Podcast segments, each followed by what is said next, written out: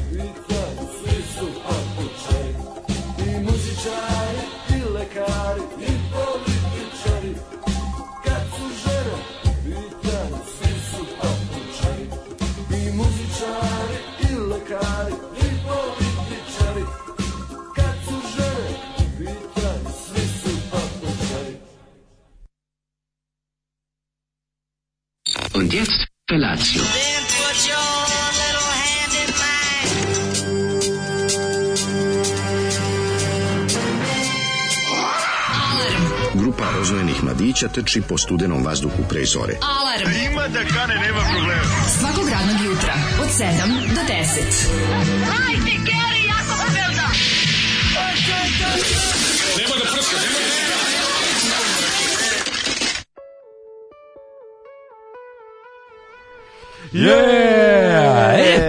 Političari! Kad su žene u pitanju, sve su papučari. Jesi skontao da ovo- ovaj bend Jugosloveni koji sam Znači, dole nisu svi Jugosloveni dobri, to da znate. Ne, pa- Postoje užasni Jugosloveni, Ovaj band- grupa Jugosloveni. Da, grupa Jugosloveni su zapravo ovo, bili inicijalne kapisle za raspad Jugoslavije. Tako je. Ali Hrvatska kad je čula ovu stvar, mi se odcepljujemo i to je krenulo. Prvo Slovenija, zatim i Hrvatska, nego druga jedna stvar primetio, ima neka konekcija, ne znam u čemu i kako, ali kao neka lošija verzija grupe Balkan.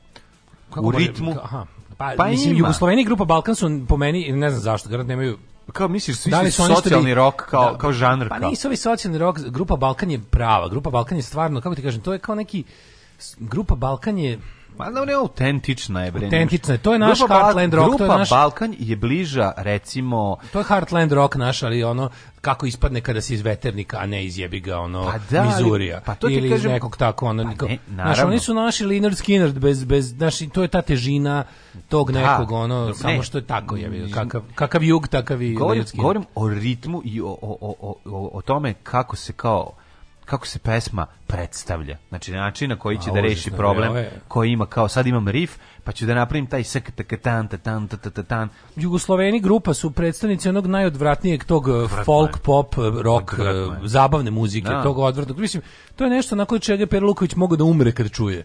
Razumiješ, ja se sećam te recenzije, mislim, ono, ali ne onog re izdanja kad je, kad je Ne, X, ne, ne. u X zabavi izlazila neko, ne, komuna je to jebote re izdala. Pazi, komuna imala ideju da to re izda. I nego kad izašli su originalni ti albumi tamo negde krajem 80 pa je Luković to pisao po 10, kad bi sad setio gde ono. Nije X Blue Box, zabave, nego- gde? Nije, nije, nije pre, to je bilo pre, to je neki to je neki ne Ako je se setiti. 97. 8. onda ih zaba. Da, ali ovo je ovo su recenzije iz one Aha, imaš a u ritmu kad gde ih je- knjizi. gde ih je bilo? Imam pisao ritmu. Ne mogu se setiti. Kraj 80-ih gde je pisao Luković jebem li ga. Ali posle je ovaj to to sam posle čitao na na ovoj na njegovom ovom portalu Da, da, da, novine da, da. XYZ.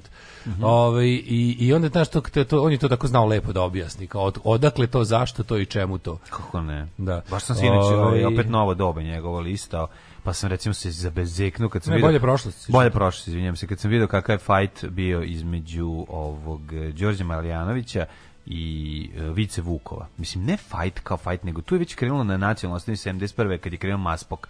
I onda je ovaj, a Vice E, Vukov, Vice naravno, Vukovi, Vice Vukovi tu na Grajsu, a što je na najluđe? ali on je, ma, ba, Ali nije on tu kriv bio. Pa još je najgore što je on, je to nisam uspio da saznam. Znaš, Nije, nije je- bio kriv. Nisam Ne. čak ni uspio da shvatim koliko je zapravo njegov, jer on je kao, ne, na, on je rekao, op, op, on je opsuo Đorđe Marjanoviću jevem ti mater srpsku. To Đorđe Marjanović tvrdi. Kad su izlazili nepolje zbog nekog bu, kao navodno kao buđenih rezultata gde je on izduvao. A ovaj međutim Đorđe Marjanović je ispao prilično cool, rekao kao on je stvarno jako dobar pevač, jako mi žao kao što ima tu nacionalistički kao ispad. Meni ali Vice kao- Vukov zapravo ispalo da nije kriv nekom, to bio kao ono, Da. ono oleo ga namestio ga jer je on, E, ono, je jer je on da. on se vratio u zemlju posle nekog vremena. A njega su tamo u Australiji isto da ga ubiju, I da ga linčuju. On nije znao šta će, tako, samo, tako on kaže, navodno. Da, da, da. Sad naš pitanje je tu Pazi, da li on su, se vratio da li služba već krenula njega da maltretira i da ga stvara i moguće da je on malo i naginjao na tu stranu. To je sad to je Nije moguće, Vice Vukov se bre vratio ovde u zemlju, bio ono, bio bo, borac za o, ostanak Jugoslavije, bio bio ovaj u Ra- u Račanovoj stranci, je Pa bio za- kandidat SDP-a. Ono. ti kažem, onda su verovatno, onda su verovatno ovaj, to bili napadi od, ovaj, projektovani od strane službe na njega. Pa naravno. da. Najče, To- najverovatnije. Tad je to diskreditovalo čoveka. Kako Toga- ne, Nije znao da će, da će 20 godina kasnije zbog toga da je, da je rekao da to sam bio ja biti heroj u toj novoj od države. Ti razumeš? koliko su oni Znaš, nekada njega... si, nekada si da diskredišeš čoveka govore on je nacionalista, a danas da ga diskredituješ on, on nije kažeš- mogao više nik, on, on nije mogao nigde da nastupa. Nije, nije, on je, nije, baš su ga ugasili. ga, Da, a bio je ono A to moguće bilo nešto lično, razumiješ, kao tipa ono. Pa ne znam. Puš, bre, čovječe, kad ti se nakači ti da DB-ovac njemu, na, lično, ono. Njemu su, nakon što otišao u Australiju, kao on kad se vratio je pazario to, njemu su napakovali kao s nekom decom išao pričao je politički vic deci. Mislim, a, a, a pre, bez da je upozorio, kaže, a sad je jedan politički. Ma, da se skloni ko neće Baš onako bljuvotina jedno, i kao, pa išao sam s decom, ne znam gde sam, gde smo išli kao. Ja sam bre skroz u tom fazonu jer se Da. uspavljujem uz onu indeksovci iz 86. Znaš, ono tako skroz sam sad, u- sad živim Jugoslaviju 80-ih, tako pokušavam da razumem. Znaš kako, Ja mi, je, znaš njega- kako mi je dobro i teško. Recimo, ja sam znao, mislim, znaš kao, uđe u taj, on ono, je mod. kod nas ostao zapamćen kao kao jedan kao desni element u moj glavi Da, da, iz da, nekog da, razloga. Vice Vukov Tako, neprijateljske migracije. tako, A neprijatelj- nije, a nije, a nije, E, pa to da. ti kažem. Zato se kažem sad čitajući ovaj tekst shvatam da ništa nije tako crno i belo, već da ona postoji jedan ozbiljan sivi moment u svemu tome koji sad tu treba raščivijeti. To je jedan čvor koji je, ali definitivno kako vreme odlazi, ovaj shvatam da i nije baš tako belo. kako Kaže, mislim da smo obavili zadatak Jugoslavije, dobre muzike više nema. Grupa Jugosloveni, kaže Paja. Dobro jutro, danas je moj petoktobarskoj čerci Nini treći rođendan, a u petak sam postao ocem po drugi put. Rodila se mala Anita. Bravo, A, Nina. ako bi mogli svojim NS mekanim glasićima da mi čestitate, vaš podvodni varioc. Kako ne? Vari, vari, suze s lica, to je Vari, tvoja vari, naslednica. va- vari, Va- vari, va. vari, vari, va. Evo ako Aniti i ovaj čestitamo i e, u petak se rodila, čekaj, dobri smo uh, i jedna je napunila tri Ja. godine, a druga se rodila u petak. Da. Čestitamo rođus ove čest- čestitamo jednoj rođendan, a drugoj ovaj kako se zove po rođenje, pa je genijalno. Pa rođendan. Da, da, rođen jedan i drugi. Rođen jedan i drugi pravi Da, da. i, i, i, u, stvari, kako kažeš rođendan, to je stvari godišnjica Pa rođendana. rođendan bi trebao da bude prvi, da. Ovo Godišnjica je- rođendana. Ovo je Svake rođenje. godine je godišnjica rođendana. Čestitamo i rođendan i rođenje. Sad Je, a dobro jutro drugovi, srećna vam godišnjica 5. oktobra. Ju kako mi nešto žiga u ovoj desnoj nozi, ja, majko mila, ono. Zaboravih da vas pohvalim što ste počeli da puštate rani bad copy, samo prostakluk i prigradska naselja. E, ljudi, pozdrav iz Pakistana, e, iz Karačija. Skoro ste pustili nešto od Prti BG da proverim da li je to počasna turneja, počasna turneja jeste. Jeste, gde se sve roka, pa onda mislim geografski, pa onda ovako em, šta kaže u Zoli se uspavao, gde ste kurati bogovi, evo glup vid, čeka Japanac drugog Japanca da se vrati sa dejta, kad su se našli, pita prvi, kako bilo na dejtu, jesi ugurao piksele? Joj, majko mila. Ovaj, u mojoj zgradi živi jedan od onih smrdljivih youtubera, ima preko 900.000 pratilaca. Podstanari u garsonjeri prodaje glupim princima tu ne, glupim klincima tu neku luks životnu priču. Pametnom dosta što bi rekli da bili sneta. Da. Dobro jutro, we are back. Juče nismo bili ovaj, Da. tu, imali smo neke Klasična situacija, Klasi- ovaj, mislim, mlađe, roditeljskog tipa. mlađe je bio roditelj zabrinuti, a ja nisam stvarno mogao u šest i, i deset da nađem nekog da dođe sa mnom, a stvarno mi se nije pričao bre, sam sa sobom. imamo i mi dušu, majko. Stvarno nisam mogao sam sa sobom da pričam juče. ja Gorice, u se Gorice i Dragan izvinjavaju svojim ovaj, slušalcima. Pa Kada... dobro, bo njih boli dupe, njim, njima slušalci ne daju platu, može. A dobro, sve Ovaj, jedno. Hoću ja kažem mi je bilo, znači, ali, ali, ali ljudi morate, morate prestati da budete džanki loših vesti. Ej, šta se dešava? Ej, Ja napišem lepo da kao imam porodično neke is- iskrslo nešto u porodici, sutra se čujemo. Jel neko umro? Šta je bilo? Prebio. Jaš, ono kao, pa nije majkom sutra se čujemo, znači nije nikakva tragedija čim se sutra čujemo, ono. Znači, Da. tragedije traju duže od 12 sati majku jebemo, ono. A dobro, ne, ne pročitaj da ljudi taj deo. Pa da. Pročitaj ovaj i on me zovu jebi. Tako da. super, tvoja objava je prouzlokovala z- jedno 40 zvonjenja telefona. Pa pazi, mene su zvali, a znaju Ali da, da, okej, ono kao, da, pa da sad. tehnički nemoguće da meni budu porodični. ono. Ma, stvari A, u imam ja porodicu, moguće imam primarnu porodicu iz koje sam potekao. Pa nemoj Da, zajebavati. nisam ono. napravio ni jednu, ali imam ovu iz koje sam došao. A dobro, imaš onu temerinu što nisi prijavio. Dobro. Onu mađaricu što si, ima. kad je bila na svirka akumulator. Sećaš se? Da. Što imaš ono dete. Nema veze. grup, sad. svirali se grupom Hexen. Hekse, niste svirali mi akumulator, jeste? Ko nije svirao akumulator? A otkud znam je? Mora se svirati. Tragedije traju 13 sati kao što znamo. Ovaj. Pao Face, Instagram i Daško i mlađe juče. Super je to što je ovaj pada o Instagrama i Face, o tom ćemo pričati. Ja, ja, ja bi posebno uključenije danas. Kako Da, ne, još the baš- great fall of Facebook of Da. 2021. To treba stvarno se, to, to će biti Where were you, how did you survive? To će, naravno, pričat ćemo i o tome, a sad slušamo, Slušamo Persephone's Biz, ali drugu pesmu. a, druga, možda čak i treća pesma. Ajde.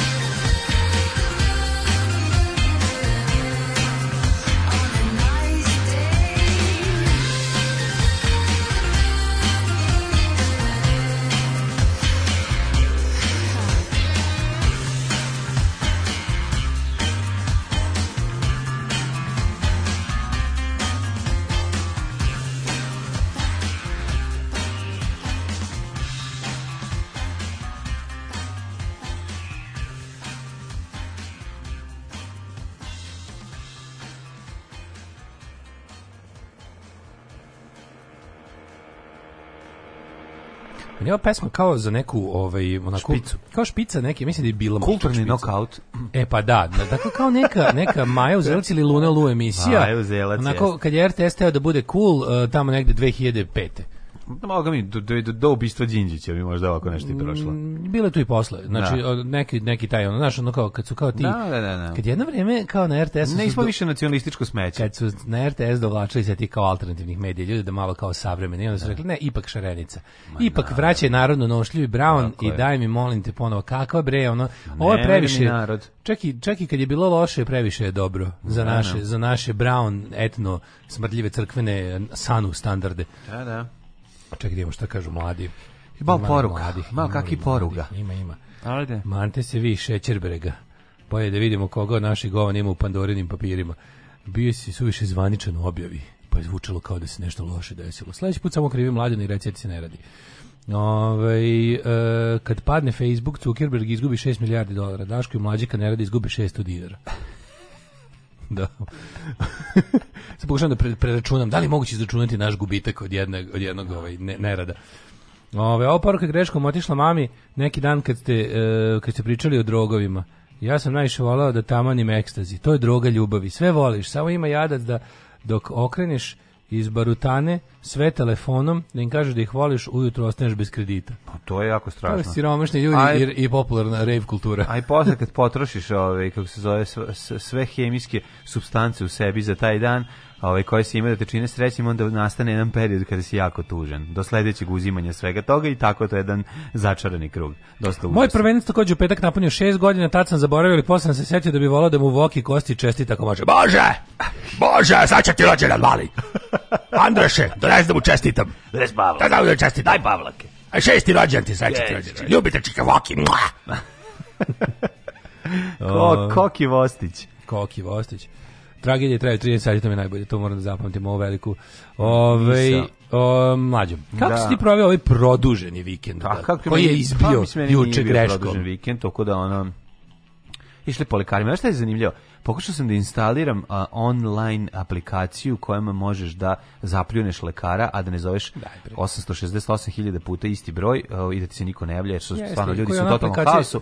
I onda sam pokušao da onda i onda sam tražio na, na kao imaš kao na, na Google Play Store-u ili Mm. već gdje i ušao sam tu i tražim, tražim, tražim, tražim, tražim, nađem i makedanski i ruski i ovu i italijansku aplikaciju i sve druge implikacije. Dottore. Pa, pa onda sli, ka- pa kako ne razumeš, kako ne možeš, svi drugi su uspeli, samo ti ne možeš. I onda na kraju ja kažem jebi ga, ja sam ono digitalni krembil i ne mogu.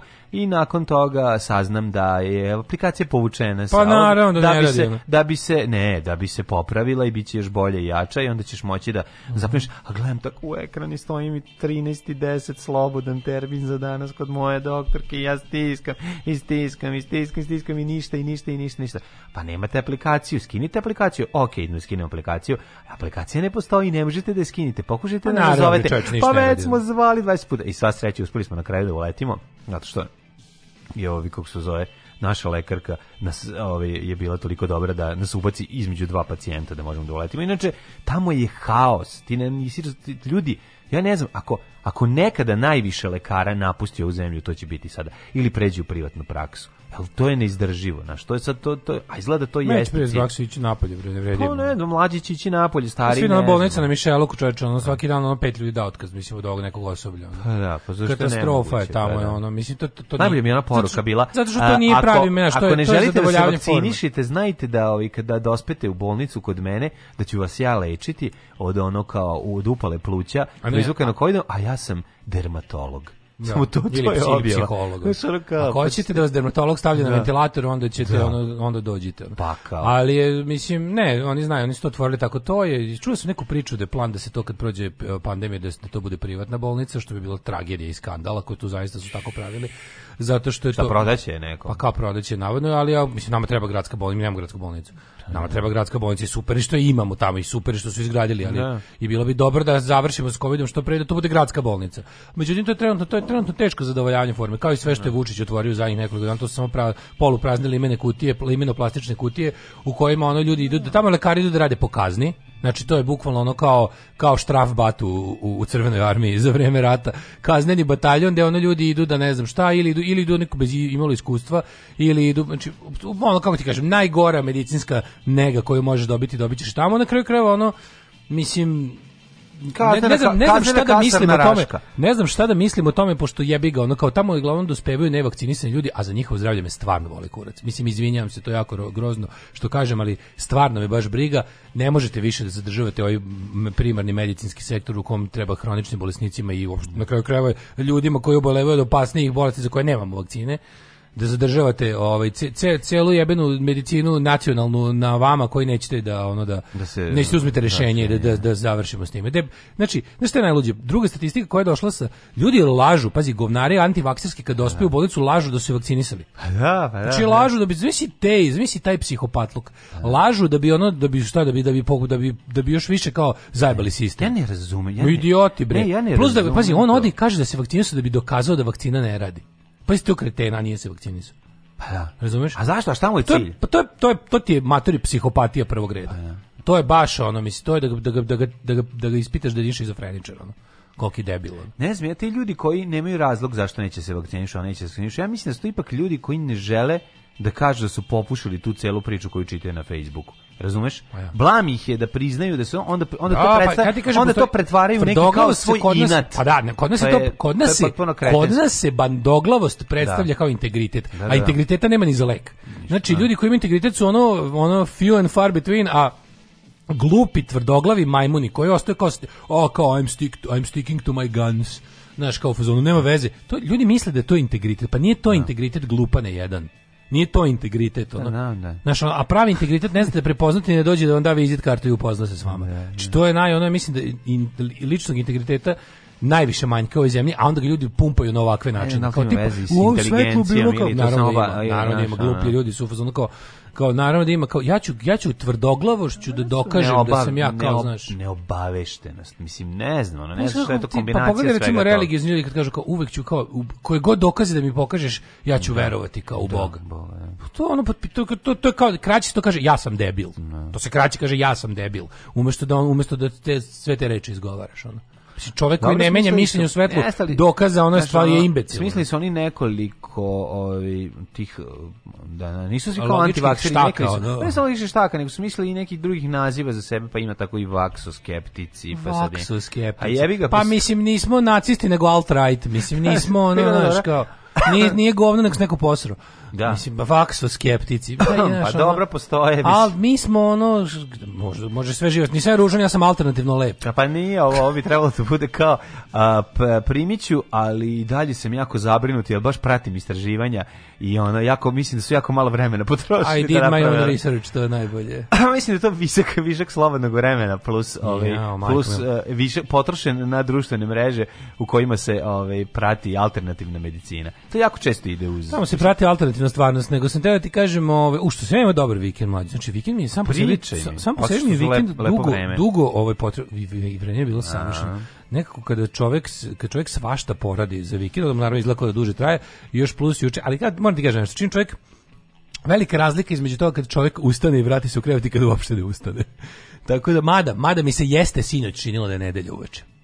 Ne, jeste. Zbog nerada juče mi se činilo da juče... što si ostao kod kuće cijeli dan, jel? Pa nisam samo sam do spa, mislim, znači ono kad sam video, kad sam kad sam okačio na na ove na internete da nema emisije, do je sam od ugasio? dva ili do 11 i nešto. Pa bravo. sam više, ali bilo bio sam u fazonu. Imam nešto da pozavršavam, da vodim prijatelja da primi treću dozu i ne znam tako što je što je bilo. Kako je to dobro to kad si ti rekao za aplikaciju, kažeš kao bukvalno najluđe što piše kao kao ima ima isto kao se sajt na kom piše na kom vakcinalnom pu- punktu rade koliko koji imaju vakcine i sve. Ma, odeš bre. Najbolje ono A što ne odeš samo promenadu dole, siđeš u podrum? Naravno da smo bili nije bilo, razumeš? Što nije pa bilo? nije bilo Pfizera, razumeš? I, A. I onda je bila ovaj sajam ne radi, uopšte zatvoren je, na sajmu više nema da. vakcinacije. I f- u ovom u ovom se u samo su kinesku vakcinu imali u, u A, promenadi. promenadi. Da, i onda je ovaj a najluđe što ti imaš kao taj sajt isto koji je kao na, i piše kao podaci za ono od pre četiri dana. Šta će mi vaši podaci od pre četiri dana? Mislim, možete komotno ugasiti sajt. Da. Šta, je, šta će mi vaši podaci od pre četiri dana? Za nešto što se menja iz sata u sat. Da, to je jako je to sve. To bolenje da, da, kurca da. meni fascinantno, ono, i onda taj raskorak što će ti na televiziji reći da je sve u redu, ono, uvek. Da, ono. da, da, da. Ali da, jako bilo dobro u nedelju, bilo super, u nedelju smo imali jednu veliku radnu akciju, Mhm. ovaj, sredili smo i raskrčili smo ovaj, put do Pinkijevog groba tamo u E. širokim malinama, ogroman posao smo uradili, znači baš bukvalno napravili smo da od neprohodne šikare, ono koja je skroz bila, ono, staza je bila skroz prekrivena, smo napravili da možeš komodno kolima proći, ja mislim ako hoćeš baš. A sad ste sjebali jebernik ježevima. Uh, jebani keži ima, imaju okolo, ostavili smo im puno. Znači, kad se male ruke slože, znači ozbiljna ekipa, ozbiljna ekipa dobro naoružena ovaj, alatom za krčenje i čišćenje, to i, i sam i sam ovaj taj mali plato u šumi gde se nalazi ovaj taj takozvani Mhm. Pinkijev grob, mesto gde su ubili Pinkija i ta spomen kao taj stečak i to sve s tim sm- smo jako lepo sredili, očistili, pazi tamo, ja mislim to nije niko Od 80 neki od dira. 80 neki dira. Da, da. Smo ljudi izašavimo jedno desetak santimetara zemlje koje se nakupio na tom inače kamenom platovu. I da to sve lepo ono o- očistimo, da spomen ploču ovaj, očistimo od mahovine i algi i da onda sa zlatnom farbom popravimo ove slova unutra. Znaš kako se dobro izgleda? Izgleda kao novo. Znaš kako sine kamen kad ga izribaš onim kad ga dobro izribaš, uh, vratili smo ga onom alternativu, onu belu. ga, stanje tašam, tašam ga bre, Premazali smo ga onim onim eh, hidrofobom, to je kao da ne bude više, da se sad neko vreme ne hvata nova mahovina i alga. Aha, to ste. Da, da, da, onako, znaš, kako sad lepo izgleda. Baš onako, kad se, kad se dobro izgine i kad se dobro, ovaj, kad se, kad puno ljudi radi te moba varijante po ceo dan, a lepo vreme je bilo, znaš, radiš u šumi, Jako je dobar, jebote, jako je dobar je dobar, feeling, dobar. jako ono kad se- Zanimljiva je šuma, a šuma u različitim ovi, p- vremenskim period, po doba dana i u različitim ovi, proleće, leto, jesen, zima, dobama pe- godine. dob- doba godine. To je super, super je vidjeti kako drugačije živi. Lepa je u jesen, pogotovo u ovu jesen kada je još uvijek topla. To Da, je, da, da, ovaj, da, to da, je- topao to- to je- prelepo. Jako je lepo u šumi, Znaš, da. ono vreme je onako 20-20 stepena u šumi uvek onako Ali vidi se da se gasi priroda polako. Polako da, E, već, da, da, već da, da, sve da. na, na šumskom podu je već, podu je, već da, da, pola da. šume, ono, ali da, i najbolje je bilo, pojao sam mlađu, u- deo tog happeninga je bilo naravno i Ždranje. ždranje. Znači, najbolji pasulj u životu sam pojao. Gde? Gdje? Pa tamo na širokim malinama. A najbolje od svega što Ne, je drugar, drugar koji je drugar koji je bio zadužen za kuvanje. Aha, on ga pravi, je tamo ovaj na je kao našao neki lad. Kad je našao lad, on kao bio na- kad je otišao u lad malo je vidio da ima i 10 metara dalje ima neke stolice, ovaj kako se zove klupe i, i znaš drve, drvene one onako. I jebi ga ušao unutra, postalo se da, da smo ušli nekim ljudima u dvorište, u vikendicu, i da smo tamo nas ono 20 nešto se rasporedilo da, da, da na dva mesta kuva kotlić i da ono i ljudi dolaze, znači ti pojavljuju se i mi kao pa šta mi kao pa Nismo znali, kaže ja sam mislio da je ovo neki planinarski dom, stvarno vidim neku prelepu veliku brvnaru koja izgleda kao Međutim, ljudi bili baš neki carevi, kao pa nema veze, šta sad kao sete, uživajte. Onda smo ih potkupili pasuljom na kraju i bilo je super. I njima je bilo dobro. Ali bilo, da, bilo je dobro. Mislim, pošto smo mi bukvalno posle kad smo, bukvalno smo ono, ono vratili Napravili apoteku. Cakom pakom kako je bilo. Ali kažem ti, jedna onako baš fenomenalna nedelja sa, sa drugarima, onako, ovaj, na, bilo drugarske se pesma ori. Bravo. Pesma koja slavi rad. Živio naš dobri kondukter! Alarm sa mlađom i Daškom.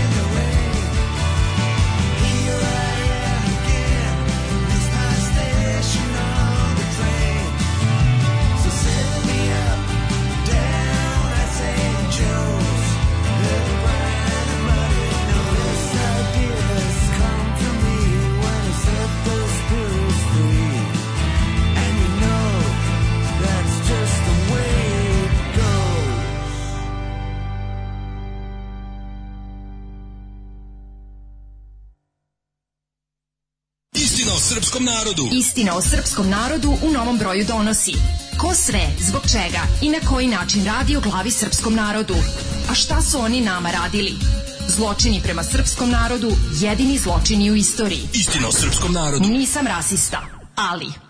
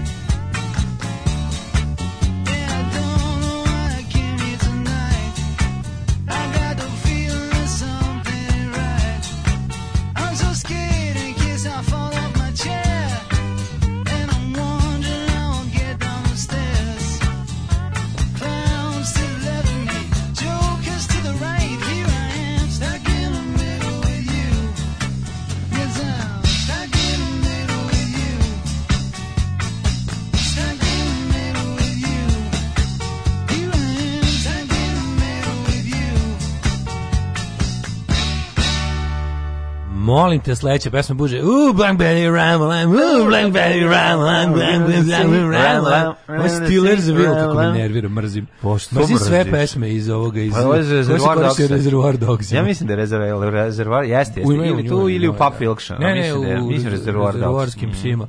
U rezervoarskim psima je ta Dobro, pesma. to pesmi 70-ih, dobre. Ja, ne, pa ženja se obradovana. Pa ženja voli te pjesme. Ja, Dogodine ja- u Beogradu. Ja Valja li gledati ovaj dokumentarac o Jovanki Brodu što na RTS-u nisam gledao ni uopšte? Ne, ne znam. E, pozdravili ste u petak u emisiji da partizanski od pozdravim drug Ronilac. Bravo. Um, pa kaže, ko radi, radilo mu se o glavi. Um, da se organizuju spontane ture hodočasnika za hodočašće i obilazak sređenog druga Pinkija. E, postavit ću vam link tamo u community da, da, gde se nalazi ovaj drop pin ću da odradim. Mhm. Daško, postoje čak i socijalno-psihološko objašnjenje zašto ljudi nakon svih argumenata još više utvrde svoje prethodne stavove. Učio sam o tome na faksu, ne mogu nažalost da se setim ničega više, jer se ne sećam. Pamtim samo prelepe zelene oči koleginice sa sociologije sa kojom sam se preslišavao. Jo, kako je to divno. E, sociologija je lepša kad se uči u dvoje. Mm. Ovaj, šta sam teo ti kažem, mlađo? Ja sam nešto mudro. Da, ja sam sinoć, ovaj, gledao sam prvu epizodu serije Kljun. Sad, ja stvarno, to je ova nova serija, nešto Srđan Dragović, nekakav producent, nešto, znaš, kao ta nerežimska ovaj, produkcija ako kao pokušaj skandinavske serije neke, pa su oni, mislim, u nedostatku pravog severnog severa dešava se u Subotici. Na, najsevernije Što što, su, što su u našoj Da, zemlji da, mogli da da. pronađu A i pričaju tako. subotički? Pričaju subotički. Sad, gledaj, ne znam šta da kažem, neću da budem pokren. Ja ću to, Prva mislim, ja ću to nastaviti da gledam. Sad vremena. pa prva epizoda. Sad 49 minuta traje prva epizoda. Al kljun alkica? Pa kao ta žena se zove, inspektor Sonja Kljun, pređeva se Kljun. I onda ono, mislim, ima ta, gluma jebe u materi. A No, navikni se, sad će daj, daj gluma šansu. je mlađe, znaš da ja... znam, ja. Ti znaš da mi ljudi koji nemaju trunka i talente za glumu znamo da prepoznamo kolege loše glumce. Jebi ga. Kad čovjek loše glumi, zna da prepozna i druge loše glumce. I to je... Ne, malo je, znaš, malo je show about nothing, malo Znaš je... da su našli kljun da glumi je? Sonju. Evo ovako, znači, ja prvo želim da mi se to dopadne. Ja ću to gledati. da, Gledaj, I neću daj. da budem pokoran. Kaži mi da kakav je scenarij? Pa, Ni, al zanimljiv. i sad tu je isto malo problem. Mislim, to je- Sigurno je bolje od močvare. Kapiram da je to verovatno isto trebao da bude film, a da će ga razvući ja ne znam koliko epizoda. Mislim, ima puno praznog hoda, ima puno, A dobro, to je Subotica. Ima puno praznog hoda, ima... Beograd je to sve. To, to je ne, ne, to je kako Beograd zamišlja Suboticu. Aha, to je pa serija o tome kako Beograd zamišlja Pa Suboticu. dobro. Ali je... Hoće doći ovaj, da govori Beograđani, jebeo mater usta. Neće, neće, svi, ali ima da ima teške subotice i dobro. A, dobro. Super mi što pričaju ljudi na mađarskom. Mislim, do, drago mi je. A hvala Bog ima i mađarskog, okej. Ima znači. mađarskog, ima subotice, ima super je to. Nije, nije, nije, ne, ne, Subotica. ma, subotica, Okej, subotička bravo, subotica. bravo. I onako malo ima, ima puno nerealnog, ima tako malo, mislim baš je bilo kao bila ideja kao aj snimamo skandinavsku seriju, znaš kao kad kad Dobro, hoćeš da snimaš skandinavsku E, Sonja seriju. dobra, pa ima onako pištolj nazad na leđima, A pa pa nije, sve. onako nije nije prepička, Ko nego je igra? Ko onako nije Soga Noren Malmo Landskrim, nego je Da. ne, uglavnom nepoznati glumci, igra što mi je dobro. To je odlično. Znači gotovo da u celoj seriji nisam video nekog ono Što su poznati zauzeti glume u drugim serijama. Kontent da tu ima glumaca iz subotičkog pozorišta. Garant dosta. ima, garant ima. Pošto kao pazi, najpoznatiji u, u celoj epizodi najpoznatiji je Mićko Ljubičić, koji nije isto glumac, mislim. A koga on igra? Pa nekog, to, nisam još provalio šta je on u njoj. Da li rođak, da li je ćale, ne znam šta je, neki udbaš. Dok Mićko ne vadi ovaj Nisam gitaru, provalio šta je on. Dok ne vadi gitaru, I je on je okej, ali Pa ima, da, ima, ima, ima, ima, ima, ima neprirodnog dijaloga, ima, ali ima te, ima, ima, o, i te tako, da, ma, mogu ti kažem bolje od kad se, kad se radnje premestilo u Suboticu, bolje nego dok je bilo i prvih 15 minuta u Beogradu.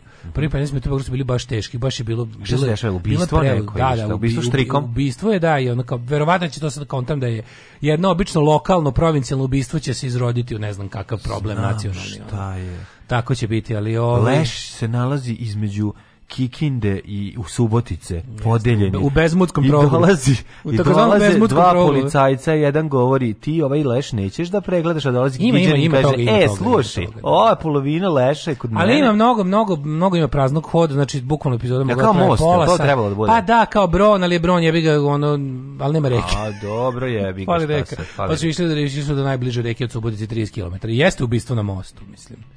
To jest samo slash ubistvo.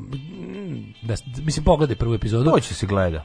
Pa gledaj, da, gledaj, jebi ga. Ni, ide, ja ne znam, Na kraju ne znam, krajeva ne znam, može- da će to ići nedeljno ili dnevno, nisam sad skontao. Gde će dnevno ići priko? Da ispucaju brzo. A da ne, ispucaju brzo. Koliko epizoda će biti? 10? Ne znam, ne znam, ne ću znam, da ne znam, ukucam ne znam. Ajde, to ćemo posle sada... Ovaj, I kao, znaš, ono, ajde da kažem, recimo, IMDB ocena 7 od 10, ali s, je tendenci, s tendencijom rasta. Čekaj, čekaj, pa 7 od 10? Ne, to je moja IMDB ocena. to je dobra ocena. Da, ima 7 od 10. Mislim, drago mi nekako Sedeš na 10? 7 na popa. Pa, ali da. pa to je, pa to je, ovaj, to je dobra ocena. Čovječe, ti Gluma, si jebem si- ti, moramo neke glumce da odškolujemo u pičku materinu, Nije to ovako više samo ne ide. to, mora ti, ovaj, to je pa, pa switch sa pozorišne glume na ovu glumu, E, pa, pa to onda je, svi da, to, da, sve da. to ima svoje, na kraju kraja, ako su mladi, možda još nisu imali iskustva. Malo naučiti. mi se, moram da kažem, malo mi se sviđa što, iako je to možda malo nerealno, sviđa mi se što se tako insistira na posebnosti Subotice, ali to onda meni malo daje utisak da živimo u nekoj zanimljivijoj i većoj zemlji, u kojoj postoje ono kao Pa krajevi koji je. nisu kao drugi krajevi zemlje. A i to je tako- crna ruža, to crna je, Pa jeste nešto tako. A, bude biće nešto, ne, ne.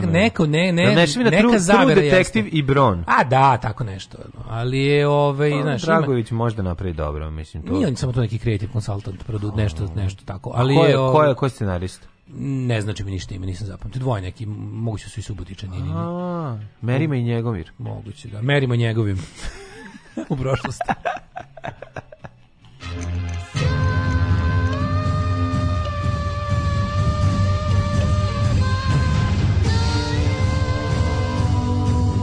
Dogodilo se na današnji dan. 5. Ok oktobri. E, Dan- kaže dnevno će ići, nema glumaca iz klanova, zato je, e pa A. moguće. Da, ime, sad pazi, pola od tih likova Leš na mostu u Novom Kneževcu, ja bih rekao da jeste, pošto 30 km Subotice. A, Leš je na mostu u Senti. E Sad, da li, je- da li je samo glumila Senta, ovaj, kako se zove? Novi Kneževac. Da, oni mislim, ne, ne kažu da je u Senti. Senta mi glumi A Novi Subotica je više od 30 km od Sente, jebe mater. Um, mislim, da, mislim da ne kažu, ne kažu tačno u kom mestu se nalazi ovaj, Leš, gde su ga našli. Ove, e, dokumentarac Jovanki je dobar, na kraju krajeva napao ga je Mirović, što samo po sebi dobro preporuka. Znači da je dobro onda, treba gledati. Da, vidim da je ovaj dokumentarac klasičan na, na hrtu o Jasenovcu napadaju ovi ne Ustaše, tako da, Mm, znači verovatno da je dobro. A. da, verovatno dobro. Ove, em, krenimo polako. Idemo o levom sećanju. Prvo mi reci, da li znaš da je do kraja godine ostalo još 87 dana, pa da te pitam, gde ćeš za najluđu noć? Mm, pa gledajući seriju Kljun probudilo mi se želje za severom, Severom zemlje. zemlje da, da. To je severna srpska pokrajina. To je, ne, nego, znaš kad kažu kao, pozdravljam vas, kad mi dođe neko na neko, pozdravljam vas sa severa Srbije, rekao, o, lepo šapčani, evo ih. Odlično, treba iz Mačve čuti ljude, što da ne. Šapca. Treba, to je naš lep kraj naše Kako zemlje. ne, kako ne. Ovaj, šta sam da ti kažem, gde bi mo- mogo bi tamo neki ono Tavankut, Tavankut, nego šta? žednik, stari žednik, Stari novi žednik. bajmok. Može. Napraviti jednu turneju Tavni sever sa, sa Možeš pojesti ajmo, bajmokac. Znaš šta je a, bajmokac? to je kao ajmokac iz bajmoka. Ajmo, ajmokac iz bajmoka, tako je. Ovaj em, To su riblja creva, je tako na žaru? Svetski dan u, učitelja je danas. E, E, učitelji, ono što nemamo dobro. E, sada, a svetski dan učitelja sada socijalne kategorije, već duže vremena kod nas. Ono, nastavnici i učitelji su soc kategorija. A i Ove, kakav ono, kakav ljudski loš materijal odlazi tamo, ono. Dobro, ali veruj mi da Ovaj, ima još pojedinaca. Moja, ma- moja alternativna karijera iz mašte. Kad bi ponovo, kad bi nešto menjao u životu, da mogu ponovo da proživim, da moram nešto promenim u životu, bio bi učitelj. I ovaj ukoliko dođe do rata i revolucije i ovaj promeni se sistem, ja ću da budem posle tog rata i revolucije učitelj, iako se nisam školovao za to i biću najbolji učitelj. Znam šta ti hoćeš da budeš Dragan Nikolić pa da, Pa da mi ove, dođe Begović. pričvrljiš Eno Begović. A naravno, imam ja svoje, svako, je. svaki učitelj mora da postavi neke ciljeve. Meni je da ni jedno dete ne ode na veronauku i da Tako. guzim što više dobrih keva. Bravo, sviđa mi se. Moji su, kako se zove, moji su razlozi za učiteljevanje pošteni. Sjajno, sviđa I mi imam, se. imam isključivo zadnje namere. Sviđa mi se i prvi i drugi tvoj razlog. Pa da. 610. U Carigradu u crkvi presvete mudrosti u Aja Sofiji Iraklije, ovaj, krunisan za novog istočno-rimskog vizantijskog cara. Iraklije je ostao upamćen kao veliki vojskovođa i reformator vizantijskog vojnog i administrativnog sistema. Mogu slobodno da kažem da je Iraklije zapravo jedan od zapravo prvi vladar kojeg uh, u istoriji Vizantije smo učili na ovaj m, pa to je bio ispit u ispitu sre, istorije srednjeg veka koji se zvao kolokvijum istorije Vizantije, a zapravo bio ogroman ispit jer počinjalo je sa 610. godinom i sa Iraklijom. 1511. Papa Julij II. osnovao je svetu ligu Aragona, son of Plexiglas, Venecije i papske države s ciljem da odbrani jedinstvo crkve, ali da istere Francuzi iz Italije. To je bio glavni glavna stvar. Išćerajte Francuze iz Italije. 1796. Pod pritiskom Francuske Španije objavila rat Velikoj Britaniji koji je završen katastrotalnim Kasatroflaf, porazom francusko-španske flote u bici kod Trafalgara. Znamo šta se dogodilo i kako su ih razvalili Britanci. 1840. u prepadu Crnogoraca na njegov logor gine hercegovački velmoža Smajlaga Čengić, što je događaj kasnije opisan u epu Smrt Smajlage Čengića. Izvinjam se, 1813. Posle po propasti prvog srpskog ustanka u selu Skeli, bežići pod turskim okupatorima, 50 žena i devojka ne žeći da Turci obje beščeste skočile u Savu, držeći se iz ruke i utopile se. Da, ove, 1883. Mhm. Prvi evropski transkontinentalni ekspresni voz Orient Express krenuo iz Pariza za Istanbul. Kako bi volao taj voz opet ide? Bilo je nekih ideja da se obnovi. Da idu sad ovi brži vozovi, međutim i postoje zemlje kao što je naša, pošto je Orient Express je ili išao kroz Beograd ili se zabilazio. Išao je. Išao je, mislim da jeste. Jer Orient Express je išao kroz našu zemlju. Mora ići, je bila stanica Beograd. E, Kako ja je mislim Beograd da. Sofija, majko mu. Beograd Sofija jeste Pa ja išao Orient da tako Nije nas da. zaobilazio, išao kroz Temišvar ili tako nešto nije. Ovaj Nije nas obilazio sigurno išao Pa- posle Vinkovci, Zagreb, Beograd, Sof, Dobro, dobro, Sofija, da, ja da, mislim da da. taj Bio, bio, taj, bio, bio, Orient Express kao mini Orient Express iz Beča. Beč Jebi Istanbul. ne. Postala su dva, sad da li, je, i da li su oba išla kroz Srbiju, ali je ovaj moglo je tad smo već tad smo već imali prugu da. Ovaj nego hoću kažem kad bi ga sad obnovili opet opet bi naše opet bi ne, ne bi mogli da kroz Srbiju mi nemamo pruge. Trenutno, da. 1885. Sabo šta je saborski vritnjak? Saborski vritnjak. nema. Pravaški je to? zastupnik Josip Gržanić udar, udario Bana Kuenu Hedervarju nogom u stražnicu. Kako dobro. Šutno bana, he, Hedervarije. Matori treba vratiti instituciju šutanja nogom u dupe. Praška defenestracija. Praška, To je- dobro, to bacim kroz prozor, Pa ali... šta hoćeš, to je to. Ok, ali... Nisu ni poginuli. E, oni nisu poginuli. Ne. To, je su ta, kad je pa defenestracija je bila... s prvog Dobro, dobro, da, da, da. Ali šutanje nogom Povredili su i po- Mlađe, šutanje, kao, kao recipijent noge u dupe Jeste, u osmom osnovne. jeste. To je vrhunsko poniženje. Jeste, meni dupe, ja da. sam tu nogu u dupe tu osjetio danima.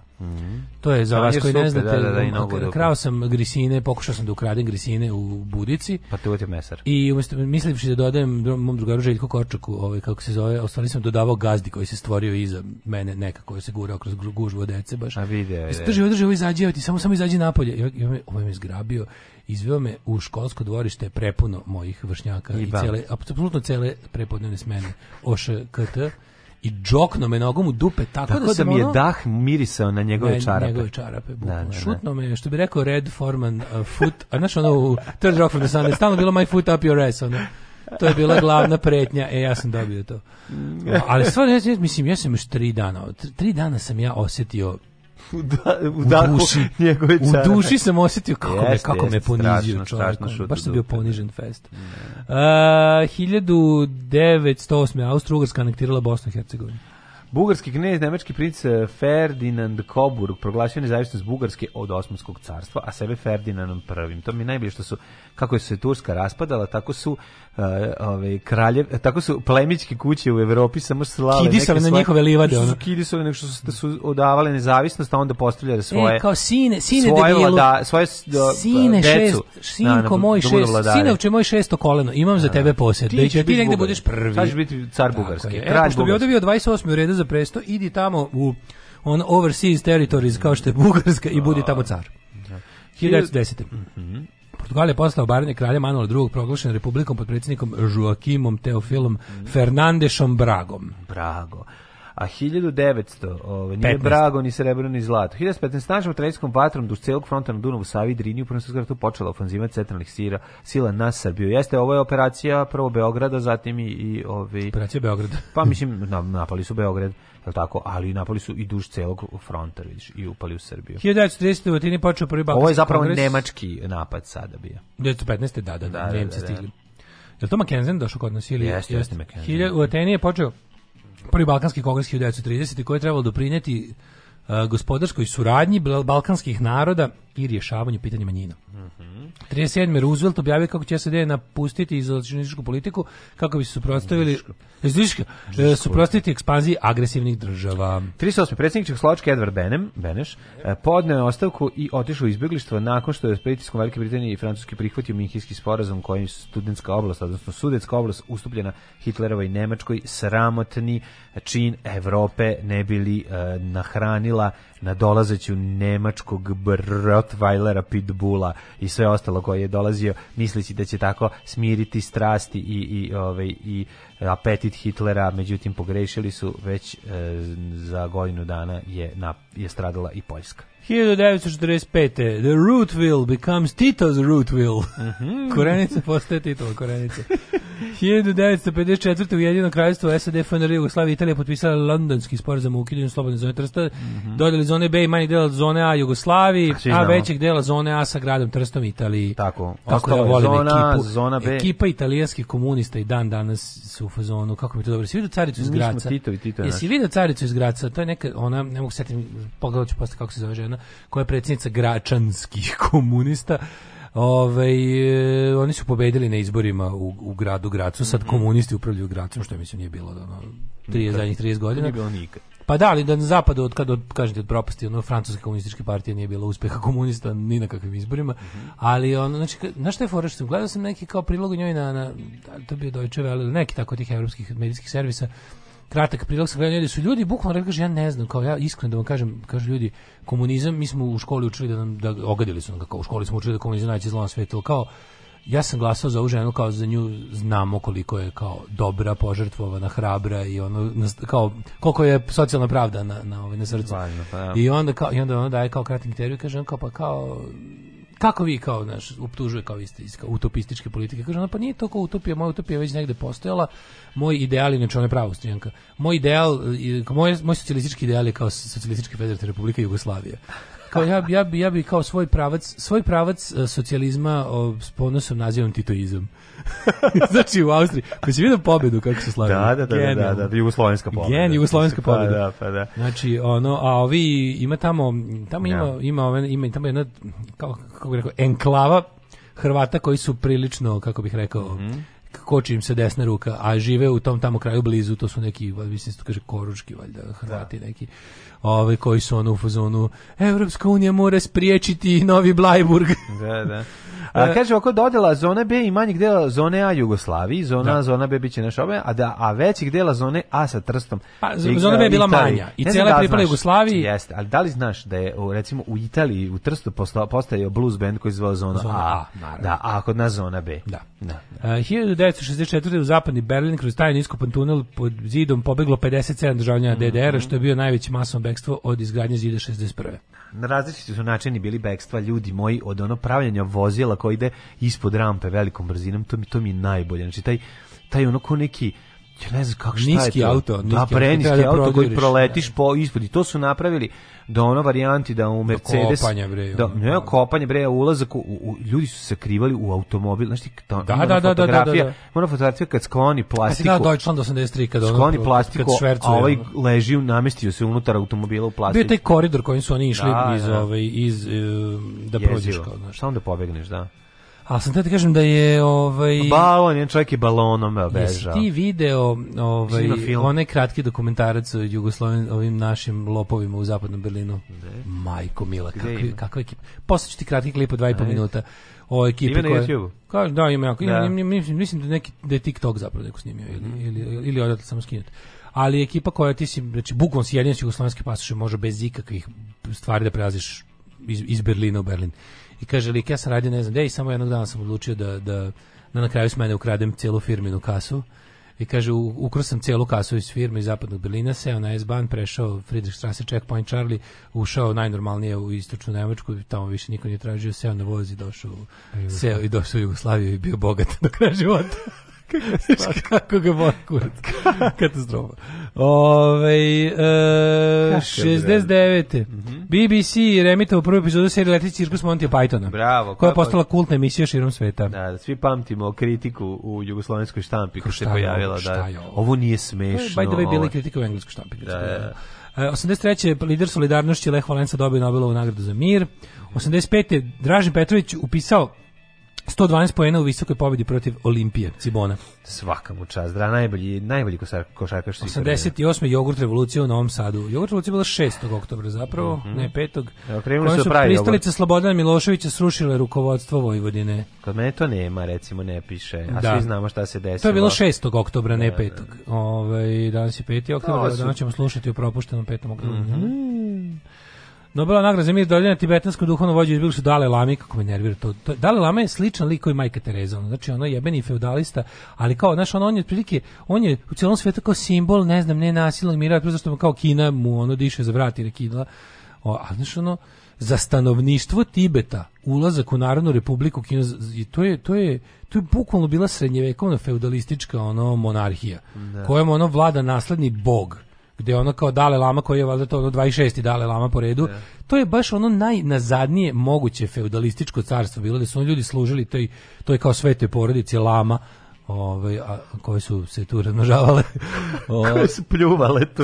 to, to, to, to je jedno od tih najboljih mitova zapoljačkih kao tipa ono naš kako ne znam šta u stvari on, mislim naravno da naravno da jeste to bila agresija Kine na Tibet ali za stanovništvo Tibeta to baš i nije bilo tako loše za, za, vla, za vladajuću monarhiju je A bilo ne loše znam prika, ono koliko je to, to je ono bukvalno iz, iz stave u lonac. Pa znam, ali ono Ne znam koliko kako ti kažem, ta, to je to je ono bila apsolutistička monarhija. Razumeš? Dobro sad su u apsolutističkoj republici, ali No, mislim. ali jebi ga bolje, mislim stvarno jeste. Postoje postoje ono kako ti kažem, postoje, mislim ta kineska revolucija ne bi uspela da nije većini stanovništva ipak donela bolji život. Razumeš? Mislim ta to je on- za to je to je jedna od ono kako ti kažem najkrvavijih revolucija na svetu. Jeste masovni zločin, ono i to je sve tačno. Ali je ipak u toj zemlji živi milijardu ljudi i tu je milijardu ljudi živelo kao znaš, kao, kao robovi jednog jako malog Da. procenta ljudi. Sad imaju, sad imaju feudalno ove uređenje koje su za komunistička A gledaj, partija. oni, oni su uvek imali feudalno A dobro, uređenje, razumem samo šta što da razlika u tome što su sada ipak manje gladni. Da. Ne, ne, ne. Znaš, manje su gladni jebi ga. Tad, nisi, tad su umirali od gladi. Za Kinu nemam problema, za Tibet se ne bi baš složio Ne, s tobom. kažem ti, Ako mislim Tibet da je je- to malo kompleksnije. Pa naravno da je kompleksnije, mislim, oni jesu vojno upali u Tibet i osvojili ga i ne znam, nametnuli svoju, ono to jeste to van svake sumnje, ali ono kao, ali romantizovane priče o tome kako je to bilo neko ono kraljevstvo iz bajke. Da. To je bilo jebeno ono A despotija. bila razumeš? da ovde devojčica sa šibicom. Pa to je bila despotija, ono, znači, da. ono, Ej, svetski dan uči, učitelja 94. Inače, da, na današnji dan 94. ti se sećaš ovoga zbog toga što si pisao u CKM-u tekst o tome. U Švajcarskoj je pronađena tela 48 pripadnika sekte Hram Sunca koji su izvršili obredno masovno samoubistvo. Da, to su oni likovi koji su inače to je to je jedno od bogatijih ovaj sekte u istoriji. kako ne, švajcarsko. Oni su tu doputovali i ovaj Oni su pravi otrov mogli da kupe, a neko neki što nemaju para. Da, za oni pravi su- otrov. Da. Pokušam se da li su oni otrovali. Ja su otrovali. A sve Da, je da. cijanid garant, šta drugo. Otrovali su se. To je pa pazi, to je bilo to to je bio taj neki period od 90 i druga polovina od recimo do tamo već cele te 90 su bile prepune tih post tih apokaliptičkih ovaj kultova. A jebi ga, zašto su bili- internet da mogu da malo više... Ne, tad je počeo internet. Oni su taj internet, za, bukvalno to je bio prvi primjer masovne zlopotrebe interneta, da su ljudi okupili oko toga da da 2000 ili dolazi smak sveta ili dolazi nekakva promena koju ne možeš dočekati, to su im ti ludaci ovaj, napunili glavu pričom o tome da dolazi promena koju ne možeš dočekati u ovo zemaljskom telu. Na primjer, ovi su, ne znam, išli da se stope sa nekom energijom koja će početi, ne znam, navodno tada e, za novi milenijum, a drug, dok ona druga, onaj Heaven's Gate, oni su, oni što su, Oni su čekali oni su imali brod. iste Nike i odela. Ali oni su lepo. čekali svemirski brod. Oni su čekali da ih pokupi ovaj, svemirski brod, ili kometa, ne mogu tačno se setimo. Um, 95. Holbrook uspeo nakon dva mjeseca pregovora sa Srbijom i Hrvatskom da napravi ovaj sporazum koji će dovesti do Daytona. 2000. demonstracije 5. oktobra. Konačno pao režim Slobodana Miloš, Miloševića nakon pokradanja izbora. Ljudi su izašli na ulici u Beogradu. Kad tvrdi se da je bilo oko 250.000 ljudi, što je moguće. Ovaj, I jel, zbog toga što su ono, demonstracije bile masovne i što su sprečili ove policijske i parapolicijske snage da ubijaju ljudi što je bio plan. Demonstracije su uspele, dovele su do pada režima, ali ne i do promene sistema. 2004. Četvrte, u okviru kasarne Topčider ispred podzemnog vojnog objekta Karaš pod nerazjašnjenim i kontroverznim okolnostima poginulo dvojica gardista Vojske Srbije i Crne Gore, Dragan Jakovljević i Dražen Milovanović. Još uvek ne znamo šta se zvanič, da, zvanična Ne. istraga, ovaj e, nema ne zna se isto kao mislim kao i sva ostala ubistva koje su se desila, ovo se može smatrati političkim ubistvom ili ovaj kako se zove, neki kažu da je bilo stvarno, da, neki ozbiljni forenzičari tvrde da je to zaista bilo ubistvo samoubistvo, ali svejedno i da jeste i da nije, radi se o tome da je nerazjašnjeno da li su oni stvarno da li se desilo ubistvo samoubistvo odnosno nesrećni slučaj onog Da. međusobnog ovaj opaljivanja automatskog oružja ili ili su ih ubili zbog nečeg drugog treće lice su ih ubila sve šta god da je radi se da su oni tu bili na nekom uh, kako bi rekao zadatku misiji ono Mhm. koja nije bila zvanična koja nije o kojoj ne postoje uh, zvanični izveštaj, zvanični nalozi, zvanično sve što u vojsci treba da, Da, bude da. i pitanje je šta su oni tu čuvali, obezbeđivali u tom trenutku i još gomela pratećih događaja nakon ovog incidenta koji su se desili, nekako pom- vojska tu pomeranje da. ljudi i mehanizacije nenormalno Da, da. nakon toga nas ono navodi na razne stvari jedna od tih teorija da se da su u to vreme u tom vojnom objektu krio Ratko Mladić da je posle toga došlo do njegovog civilnog takozvanog skrivanja da ga je pre toga bukvalno štitila vojska to, to je sve ono što ne znam i što bi trebalo ispitati što verovatno nikad nećemo saznati jer će on državom do na kraja naših života vladati ljudi kojima je Ratko Mladić heroj Rekao sam ja. Piše hum, a piše i mile. Alarm sa mlađom i Daškom.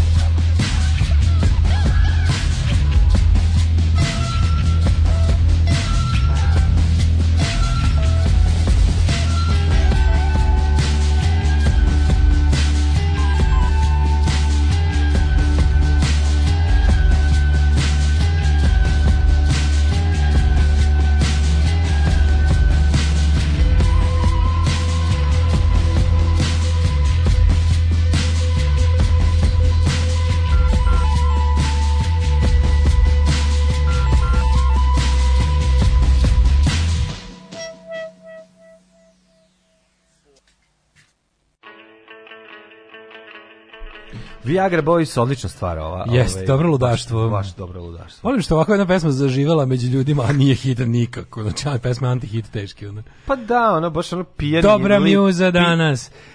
pijani, Ej. pra, par, ono... Čekaj, čekaj, neko je napisao nešto... Koji izašao iz fliperane, ono pera. O ovom smo pre, letos pričali drugari ja, znači, u, naravno, u teoretisanju uz pivo. Ja za sve ovo antivakseravanje i ravnozeljaštvo krivim Krisa Kartera to je autor X-Filesa i one glupe serije Millennium i slično. Mi smo imali tu teoriju letos, smo kao pričali kao ko je vratio taj konspirološki ono moment ali na taj način da nekako jednostavno kad smo bili klinci, pa smo imali nekao spoken word Džela ček- Biafre u kojem je on pričao. voleli bre, ono, A smo, X, naravno, ali si znao da je to Kerov Kulen, ja bih ga volao si i Frankenstein traži od Drakulu, mi pa ne govorimo mislim- o tome da je Chris Carter to, Da. i da je on to želeo. Ali je kriv. Ali je mogo da bude, znaš kako to kažu englezi, to za slippery slope, ili ti ono da, gateway da. tu nešto. Mhm. Da kao kad, kad ti ubaci taj neki kao, skepticizam je dobar. Ja se ja s ponosom za sebe izjavljam ja sam skeptik. Skepticizam je ono što je odvojilo nauku od praznovjer. Skepticizam je ono što te to je to je osnova kritičkog mišljenja. To je ono zbog čega je čovjek inteligentno biće, ali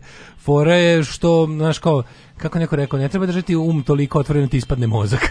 Znaš, moraš jednostavno, neke stvari su nepobitno dokazane. Postoje, znaš šta je problem, što ljudi kad, kad, kad nađu nešto što je manje više aksijom, kad je nešto, kad nešto nema, kad nešto nema zašto dalje, kad stigneš do kraja, kad je nešto, Da. znaš, kad kažeš, kad stigneš toga ono za, zašto postoje planine, kad stigneš do pitanja koje je gramatički moguće, ali ne i smisleno Pa postaviti. znaš zašto postoje planine? Pa ne znaš zašto ono, postoji, ni- da. niko ne zna zašto postoje planine, čemu služi planine. Če- Nemaju- čemu Pa nemaju služe? svrhu, razumeš, nemaju svrhu. Pa to- mislim nastale su ono tektonskim poremećima, šta nemaju svrhu, Pa da, imaju pa svrhu. nemaju pa. svrhu, to ti kažem. Kao, znaš, ti možda kažeš kako su nastale planine, Pa da. ali pitanje zašto postoje planine nema smisla. Dobro, zašto Razumeš? živimo? Zašto da živim? Pitali To ti kaže, kada stigneš, uglavnom ljudi tra, znaš kao kad s detetom, a zašto, a zašto, zašto, uvijek ćeš stići do, uvijek ćeš za 10 pitanja stići do to ti je jednostavno tako. Da. Ta, ta zašto stiskamo dugme da, da bi lift išao gde, a zašto? Zato što tamo Da, živimo. da, da. A zašto? Zato što tamo kupili Da. stan. A zašto smo tamo kupili stan? Zato što tata Zato što nije ima bilo para za taj ono. Što tata a zašto para za liman. Mislim, da.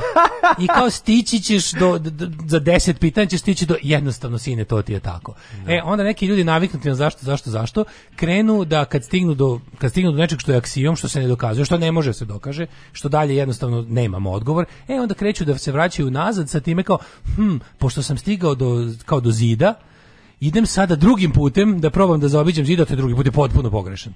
I onda skepticizam radi u njihovu štetu umesto, umesto u korist. I onda počinje to kao sumnjanje u sve živo.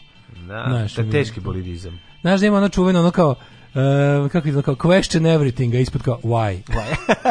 to ti je to. ono. Uh, JFK, X-Files, Millennium, nađubriš horoskopom i ćao. Kad Ali malo otvoriš a jeste, vrata ali- glupostima, svašta uđe. Ali moram nešto da priznam, mislim da ono aj sad iskreno, Millennium je 10 puta gora serija od, od X-Files. to baš nije dobra serija. To je bulja, ono, Niti niti dobar casting, niti Ja, ono, je fora? taj glumac, ono što izgleda kao iz ono boljeg života da ispo što glumi, o, znaš, sve to zajedno je je onako vrlo, vrlo tanko, pogotovo u odnosu na, na X-Files gde je ipak mnogo zanimljivije. Naravno, tu Mom ima, drugaru je Dan, Dan Brown bio gateway za antivakserstvo Da, i ostale da. gluposti. Drugi I faktor da je jeste. ego, jer on ne podnosi pod znacima navode stručnjake. Znaš šta je pa problem? Ti, mi smo imali, pazi, to je sve, to je super, e, treba se uraditi neka sociološka, kulturološka studija. U, ovo sad što drugo što je rekao, to je tako tačno. To je Da, ne ono, podnosim stručnjake. Ne podnosim stručnjake, da. Da, ali je fora što ovaj em, u tom kulturnom Šta pa ja ga pop, znam, u tom pop kulturnom razvoju ja i on smo čovečanstva. bili išli zajedno u osnovnu školu. Da, pa da, da, i onda je on završio fakultet i još šest godina Ajde, išao. na- molim te,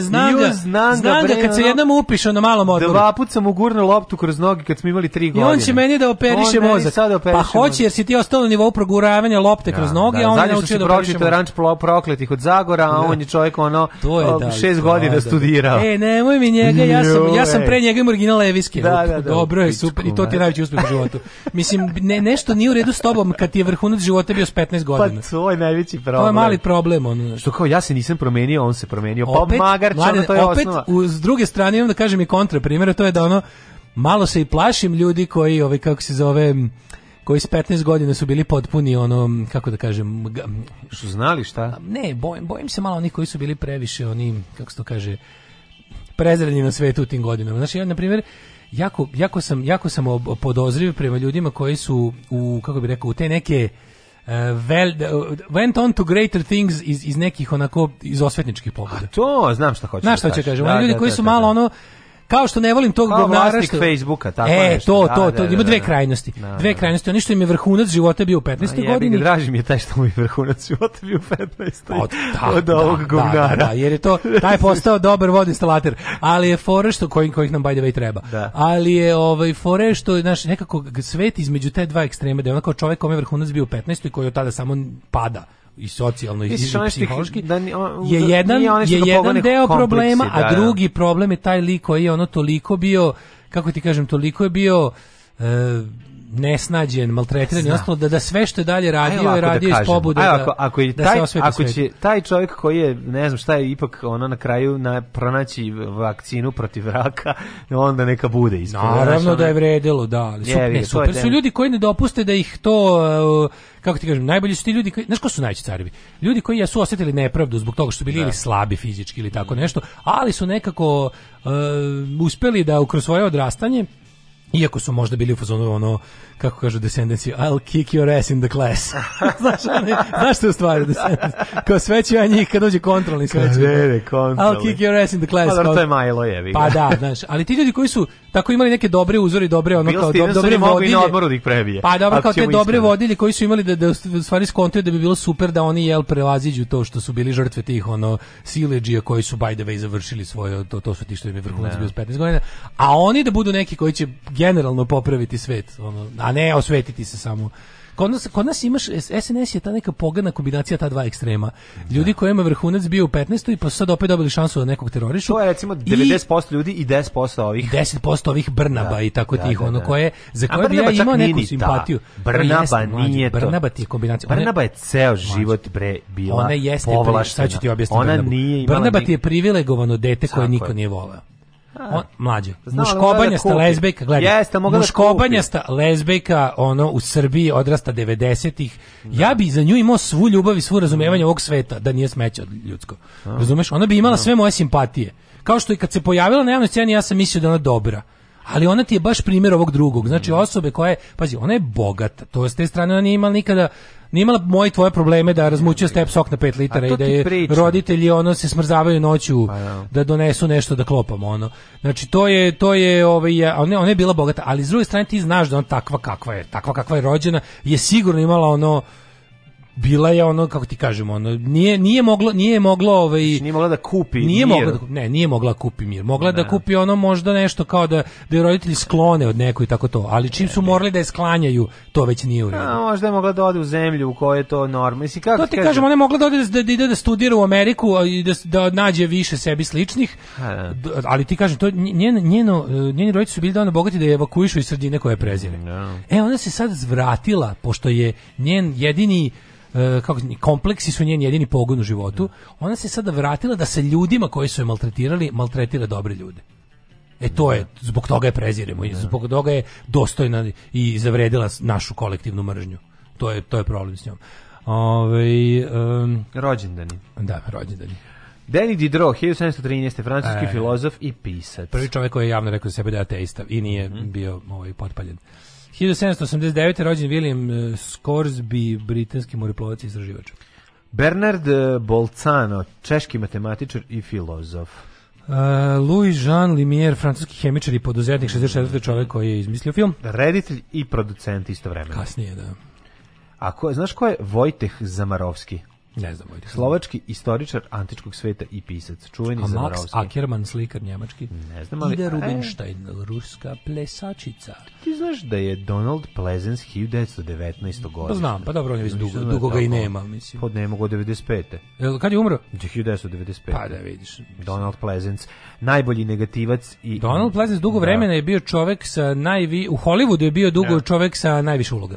Ali jeste? Da, da, da ima drže rekord sa nešto Pa Dobro, on je stvarno... koliko ono, ono uloga, da je bio čovek sa najviše uloga dok Najma su- najpoznatiji u Bondovim filmovima, li tako? kao Ernst Stavro Blofeld. Blofeld, ali zapravo meni bio najpoznatiji kao doktor u, u Halloweenu. da, Dr. da. Loomis iz, iz Halloweena. Halloween, da. Sećaš ovog filma Noć generala?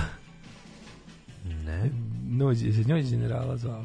ne znam. Šta je on igrao? A, nije Noć generala. Pa, ona je neka istraga sa onim nekim generalom Wehrmachta što je ubica. Aha, Ako neka dobro, dobro ludilo. Ove, nije Noć generala, to je Drašković, Nije, nego je ne. nešto bilo, kako se zvao, jebam. Pogledaj ću posle. Borivo je Bora S- Stojanović, srpski glumac 1929. Gicak Šamir, izraelski politički državnik, Vaclav Havel, 36. godište. Vaclav Havel, s ponosom možete uvijek da kažete, krio se nakon, uh, pro, nakon sloma Praškog proleća, nakon upada Crvene armije u Prag, pobegao u Jugoslaviju, gde se krio u Bulevar Oslobođenja 13 na prizemlju. Kako je to? U mom ulazu. Živeo dve nedelje. Vaclav. Na kauču mu kod mog komšije Draže Mihajlovića. E, Sve to zarad Draže Mihajlovića. Draže Mihajlovića. Džu, džudističkog prvaka. Da li on posla odlazio kod njega kad je ovaj postao? E, ali oni su bili, da, bili su dobri do, kao, dok sa ko je prvi umro njih dvojica. Ovo je umro setiti. 2011. E, pa dobro, Draže, kad Dražu ne mogu setim. Ove, 1940. Milena Dravić. E, rođena Milena Dragić, pa verovatno najbolja jugoslovenska glumica. Ako bi mogao da kažem koja je bila, koja je bila najbolja jugoslovenska glumica, pa ne znam, rekao bi Milena, Milena Dragić. A bila najveća filmska zvezda. Pa bila je najveća zvezda, ali ona i Bila je ne super glumica, I da. bila je ona stvarno ozbiljna glumica. 47. Brian Johnson, drugi pevač ACDC-a. Rođendan dan čovjek. Treći je jebote. Kako treći pevač? Ko je bio prvi pevač? Kako treći? Ja već drugi. Drugi pevač, jel? Piše Možda bio neko Bona Scotta, ja ne znam da bi neko možda početku. možda ne. pre Bon Scotta bio neko drugi. Ono, da. A čekaj, bre, nije Bon Scott bio nešto drugo prvo u bendu? Bon Scott ne je pevač. Samo pevač od početka. A da, u početku je bio lučki radnik. Pa joj, tako izgleda. Svi oni tako izgledaju. Meni svi iz jebenog? Pa ACDC izgledaju ono kao da se našli na pauzi za doručak dok su... Od dvojice su bili visoki burazeri, ovi, kako se zove, gitaristi su bili inače visoki 2 metra, ali su nosili teški džakove, pa su zato na kraju. A Angus metar- Young je ovaj drugi. metar 47, da, da, da. Ovaj a, Angus Young je krivac, što se ja mislio da je SG velika gitara. A, pa Ne da, znaš- da, da, da. Ne znaš da je on zapravo kepec. Isto ne mogu da verujem, ja kada sam, Ja sam jako video, voleo SG i onda kad sam prvi put dobio SG u ruke, kad sam vidio... A ja ga nisam vidio, ja sam ga prvo video. Znaš šta je najluđe? Ja sam ga video kod Anusa Younga prvo i mislio sam Da. kao kakva gitarčina, ono tako s tim rogovima. A onda se mi video... to zvali Batman gitara. Pa da, đavo, đavo gitara. A, da. A onda se mi video na, kad sam nabio prvu fotku Damned da, da Captain Sensible ima istu, Ima, u da, koji da, da, da. izgleda kao maltene gita, igračka. Da, da, on je pa... A on nije ne znam kako velik čovjek. A visoki. Nego je ovaj premali. Ovaj premali. Pa da, ovaj da, premali. Da, da. A, na današnji dan rođen je Peter Aykroyd, engleski Mm. pisac. 51. Bob Geldof, ja njega mnogo volim. Muzičar, glumac, filantrop, on je... Zapravo volim Boomtown Reds, njegov rad sa Boomtown Redsima volim, to je koncert koji sam trebao da gledam prošle godine u Zagrebu, međutim, jebi ga. Dobar je, Bob Geldof, Bog. Uh, Angela Molina, španska glumica 55. Ko, ej, Guy Pearce je rođen, znači, je odličan glumac, Da. australijski glumac, volim njega. Jel on Njega se malo bojim. Zašto? Pa ima mi nešto, nešto mi je malo jezivkasto kod njega. Jel on igrao u Momento ili ne? Ko igra? Ne Nije setim. Možda sam pogrešio. Ne, ne E, Novica mi je Veličković, Pearce. Ima, košarkaš Guy Pearce ima tu malo, tu, tu jaku vilicu donju i to sve onako, mogu bi igrati nekog, um, nekog psihopata. Neko tu, njegove ta očite njegove Mm. blagu, tim karijaste onako. Ima tinka, e da ima, do- donji deo glave je tinkarija, da, da, da. Uh, Karlo II. Ćelavi umro 877. Henrik III. Nemačko-rimski car Čekaj, bre, nisi rekao da je 1056.. rođen Kate Winslet, isto brutalna glumica. mislim, Dobro, 75. 805. Cornwallis, britanski general i državnik. Mhm, Cornwallis, Blackov protivnik, 1805, Charles Cornwallis. Da, da. Um, nije taj, ali dobro. 1840. poginuo Smile. A ne, ovo su umrli na taj dan. Ovo jeste taj Cornwallis u stvari. Uh, 840. Smelaga Čengić, Žak Offenbach 1880. kompozitor. Uh, Faustina Kovalska, katolička svetica. Uh, da današnji dan umro je Alfred Kreber, nemački arheolog i antropolog. Milunka Savić 73. Milunko Savić, da, da, da. Heroina balkanskih i prvog srpsko, prvog srpskog rata, prvog svetskog rata. Jeste, streljana na golom otoku 1973. od strane komunista. Da, ubio Tito komunista. Zapravo da. prava istina je da znate, ako vas neko pita, jedine počasti i ko, jedine počasti i zaslužene nagrade je od države dobila za vreme socijalizma kada su je ovaj naj, dobila najviše državno od, odlikovanje, što nije bio slučaj sa kraljevinom za koju se borila Da. i dobila konačno stan i penziju. Tako je. E, 1981. je umro Anđelko Marošić. To mislim u, u okviru Titove politike zatiranja Prvog svetskog rata, jer je on na- Da. bio na strani ubice Srba. tada. Ne znam da znaš, Znate dobila je tu priču. besplatan ulaz na bazen, ne bi li je Tito udavio. Mislim, To ju, je. jučerašnji mim dana na koji sam otkinuo je slika bazena, onog lepog sa olimpijskog i piše komunisti napravili narodu bazen da se podavi. to mi je najbolje. Znači, to je to. Je to. 1990. umro Đorđe Vukadinović. Futbaler. Futbaler, da. A, a politički se rodio Đorđe Vukadinović govnar. A, Emil Schindler, um, Emily Schindler, uh, supruga Oskara Schindlera, filantrop 2001. Umrla. Uh, 2011. Schindlerov Steve sinu, Jobs, plakao sam više nego kad je umro Broz, dana kada se napustio Steve Jobs. I Henning, da li ćemo naravno da hoćemo, se da li ćemo ispratiti um, Mac ili stavi bad copy kad se samo A baciš. neće mi izaći Pa bad copy kad se pa će ti izaći. Mislim da se Mac zove stvar ili. Mac, kako Macbook. Ove, 2015. umro je Henning Mankell, švedski književnik. Ako ću ti se usrati u život, kurvo. Alarm svakog radnog jutra od 7 do 10.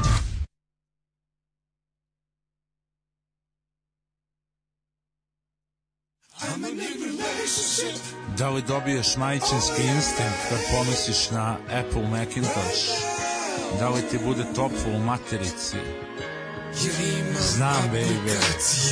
Hoćeš da igraš tenis, hoćeš da voziš skate, imam sve to za tebe. Ovi sa PC-a sa seljačine, oni samo prebace na svoj MP3 player, ovde mora da se koristi iTunes, što je mnogo lakše. Jeste, lakše sto puta, veruj mi. E, samo za tebe sam skinuo ovu aplikaciju da zašmrče kokain. Te volim, sve aplikacije.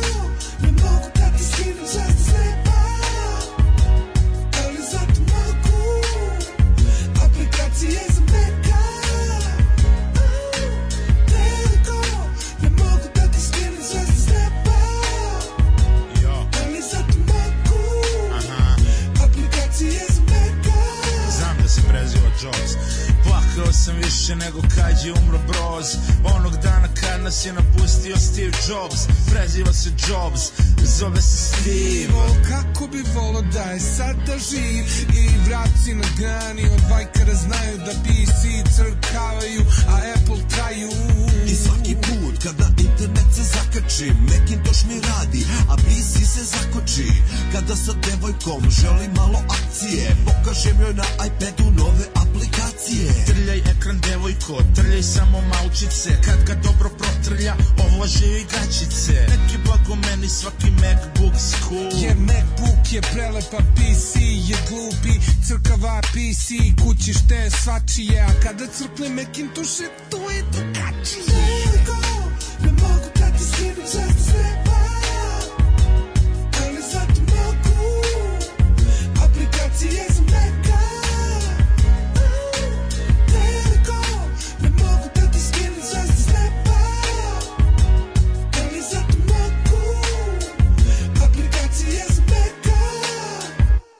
Evo Macintosha opušteno dobre pare brisnem Zato je rištem, stabilan sistem Ne želim te pare, još sam dobro prošao. Jer taj kompjuter je najbolji za posao Mnoge face koriste taj softver i hardver Jer ne može nikad sistem da mu padne. Osim samo kada mu je memorija puna 14 puta dnevno, al to se ne računa Ne radi ti PC jer grom ga je udario. Da si imao Macintosh, on bi ti sad radio PC-eve sklapaju kinezi amaterija Mekove američki dipol inženjeri. Do 50 eura skinam aplikacije. Kad poželim s devojkom opet malo akcije. Mac user iz Twittera, Mac user iz Facea. Kažu da bi Steve Jobs prebio Bill Gatesa. Veliko,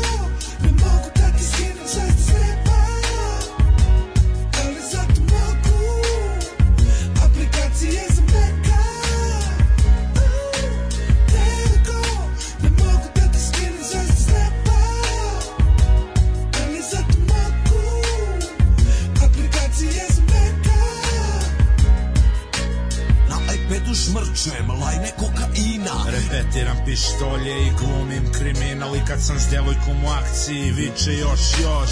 Zato što neka ima Mac I da su živi likovi iz vremena dalekih Macbook Pro pise, svido i Tesli. Kad uspem da izvedem devojku na piće Uz kaficu na iPadu gledamo klipiće. Postavljamo statuse na Face i na Twitter. I gledamo klip kad je psa odnoš inter. Nikad nisam hteo za apps da se štekam. Uvijek ti dozvoljavam da mi pipaš ekran. Imam ga na gajbi, imam ga na ranču Imam ga na moru, imam ga u kancu Imam pet komada i svi novi glancu Devojko za akciju, daj mi novu šansu. Veliko,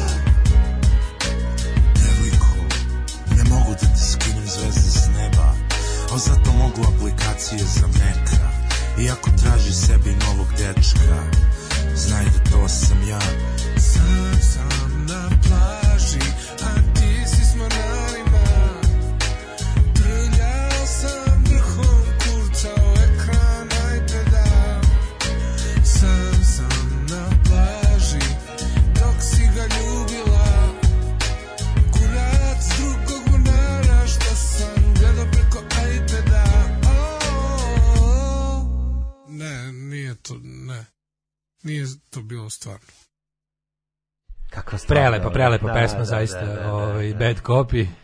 Trljanje vrhom a, o, o, o, ovaj, ekran iPada, genijalno, genijalan tekst. Ovi, mi smo spremni da uđemo u Hidmeta dale, ali pre toga... Može? Hidmeta, yes.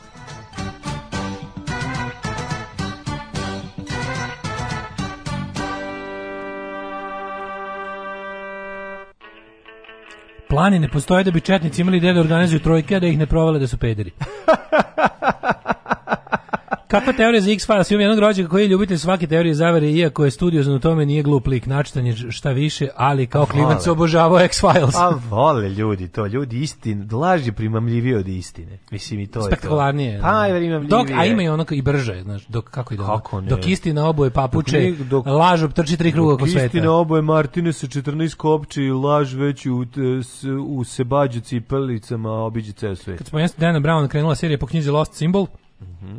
Lagana i simpatična, dosta tri epizode za sad i mogu preporučiti. E, kakva su sećanja čestitoga kurijaka na današnji datum pre 21 godinu? Je.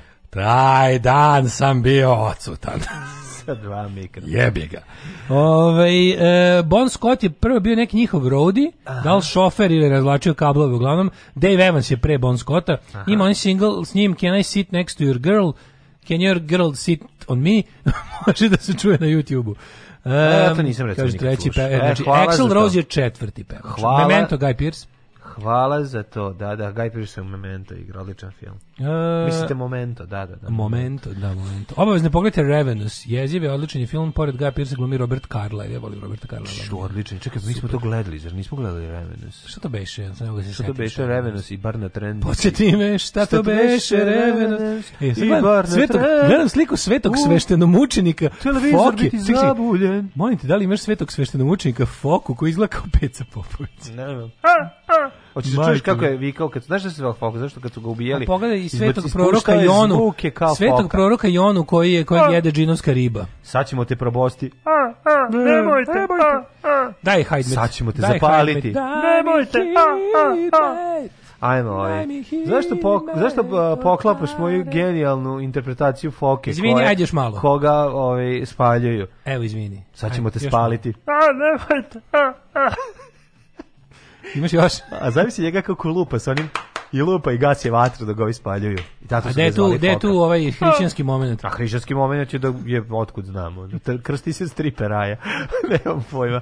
Ove, da, zaboravio sam Nije, da... on ima perajavne prste, on mora onako kao, znaš što bi rekla Lidera Cijelom Marković, šakom. kolopatom. Kolopatom, da, da, kolopat. Pa katolik, ovako, foke su katolici. A, 12 stepeni u Subotici, Sombor 11, Novi Sad 15, Renjanin 15, Kikinda 11, Banjska Karlovac 16, Loznica 11, Mitrovica 14, Valjevo 10, Beograd 15, Kragujevac 9, Smederska Palanka 14, Veliko gradište i Crni vrh 8. Preuzmite, vedro je svuda danas. Ah, Crni vrh, e, Negotin 8, Zlatibor 11, Sjenica 0, Požega 7, Kraljevo 9, Koponik 10, Košumlija 5, Kruševac 8, Ćuprije 13, Niš 8, Leskovac i Zaječar 5, Dimitrovgrad 7 i Vranje 5. Ej, Sunovrać, danas još 25 stepeni, uživajte vikendično vreme, sutra 19 i vetrina, pa 15, 14, pa kiša kreće. Od srede i četvrtka malo škija da nas osvježi. Naša slobodna država bit će jedna velika, srećna kuća u kojoj će sva naša deca živeti sita, odevena, nasmejana i oslobođena straha i patnje. Alarm sa mlađom i Daškom.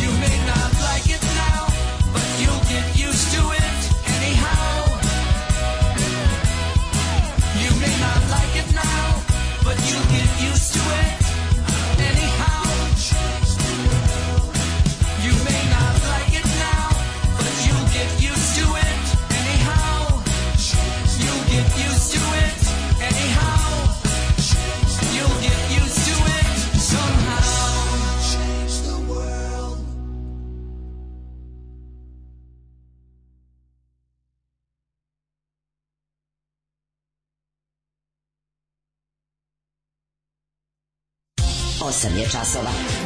Radio Daško i Mlađa. Prvi program.